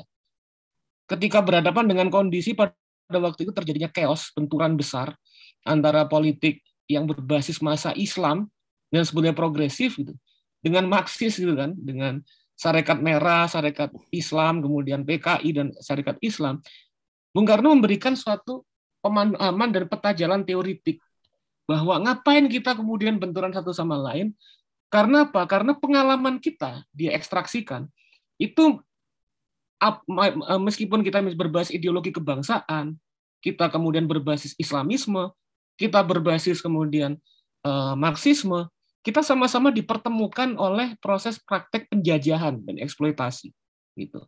Dan itulah kemudian yang menjadi eh, fondasi uh, nation building bagaimana kemudian melampaui dan membongkar rantai imperialisme dan kolonialisme gitu. Nah, di sini kemudian kalau kita melihat persoalan-persoalan yang saat ini sedang menyeruak ya, politik identitas, radikal radikul tadi Mas Ari itu terus benturannya kelompok satu mengklaim politik atas nama membela Islam, yang satu membela kebangsaan, membela kebinekaan dan sebagainya, bahwa kita harus merumuskan suatu eh, proyeksi teoritik baru gitu. Bahwa meskipun kita yang atas nama kebinekaan dan atas nama Islamisme sama-sama kok diperas gitu. Sama-sama menghadapi problem ketimpangan sosial. Sama-sama menghadapi bahwa problemnya kalau dulu itu adalah imperialisme, tapi sekarang ini adalah lebih mendalam satu persen orang paling kaya itu menguasai kemakmuran sekitar 50 persen dari yang ada di Indonesia saat ini. Artinya kemudian kita semua ini ngapain berantem eh, satu sama lain gitu. Padahal yang memiliki akses kekuasaan dan kemakmuran nggak pernah mikirin kita, gitu kan? Tapi kita kemudian dibenturkan satu sama lain. Nah, kalau kita bisa sampai ke situ misalnya pertemuan bersama kalangan progresif, kita berhasil menyumbangkan suatu paradigma teoritik. Apa yang kita hadapi? Bagaimana membangun suatu tatanan progresif? Bagaimana mengembalikan Pancasila dalam rel progresifnya? Saya kira demikian sih yang penting baik, bisa kita diskusikan. Ya. Uh, tentu saja masih banyak pertanyaan ya kawan-kawan uh, karena waktu kita terbatas dan saya harus ke Pak Arief. Uh, silakan Pak Arief Dimantah. Hmm. Terima kasih. Ini nggak terasa kita udah dua jam Dua jam lebih, dua jam 40 menit ini. Dua jam 40 40 menit ya dan yang pertama dengan Mas Muhammad Ali ya tadi ya. Jadi memang eh, ini memang persoalan paradigma ya. Cuman saya hanya mau mengatakan aja ada satu uh, studi yang pernah dilakukan oleh Axel Tomto dari University of Oslo. Tadi kan dia bicara mengenai kredit untuk uh, pertanian lebih diarahkan untuk yang besar dibandingkan dengan yang kecil gitu. Jadi Axel Tomto ini mengatakan bahwa uh, pertanian segala kecil ya itu ternyata lebih unggul dalam hal ekonomi, sosial, dan ekologi. Dan juga pada sisi lain, ini mengamankan kepemilikan tanah. Jadi kalau misalnya kita masuk ke dalam konstruksi pasar, dalam ekonomi, apabila tanah terdistribusi merata, maka kemudian pembentukan harga di pasar itu relatif eh, mudah untuk mencapai sebuah keseimbangan sempurna.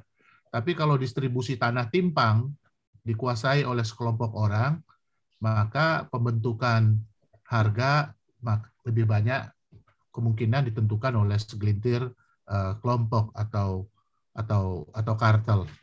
Jadi kira-kira itu jawaban uh, saya ya dari uh, studi yang dilakukan oleh Axel Tomto dari University of uh, Oslo. Nah kemudian yang kedua, uh, uh, Dida, Mas Angga dan Mas Ari, saya rasa uh, pemikiran mengenai Vijay uh, Prasad ini sebagai sebuah uh, apa namanya ya living memory gitu ya, memori yang hidup. Uh,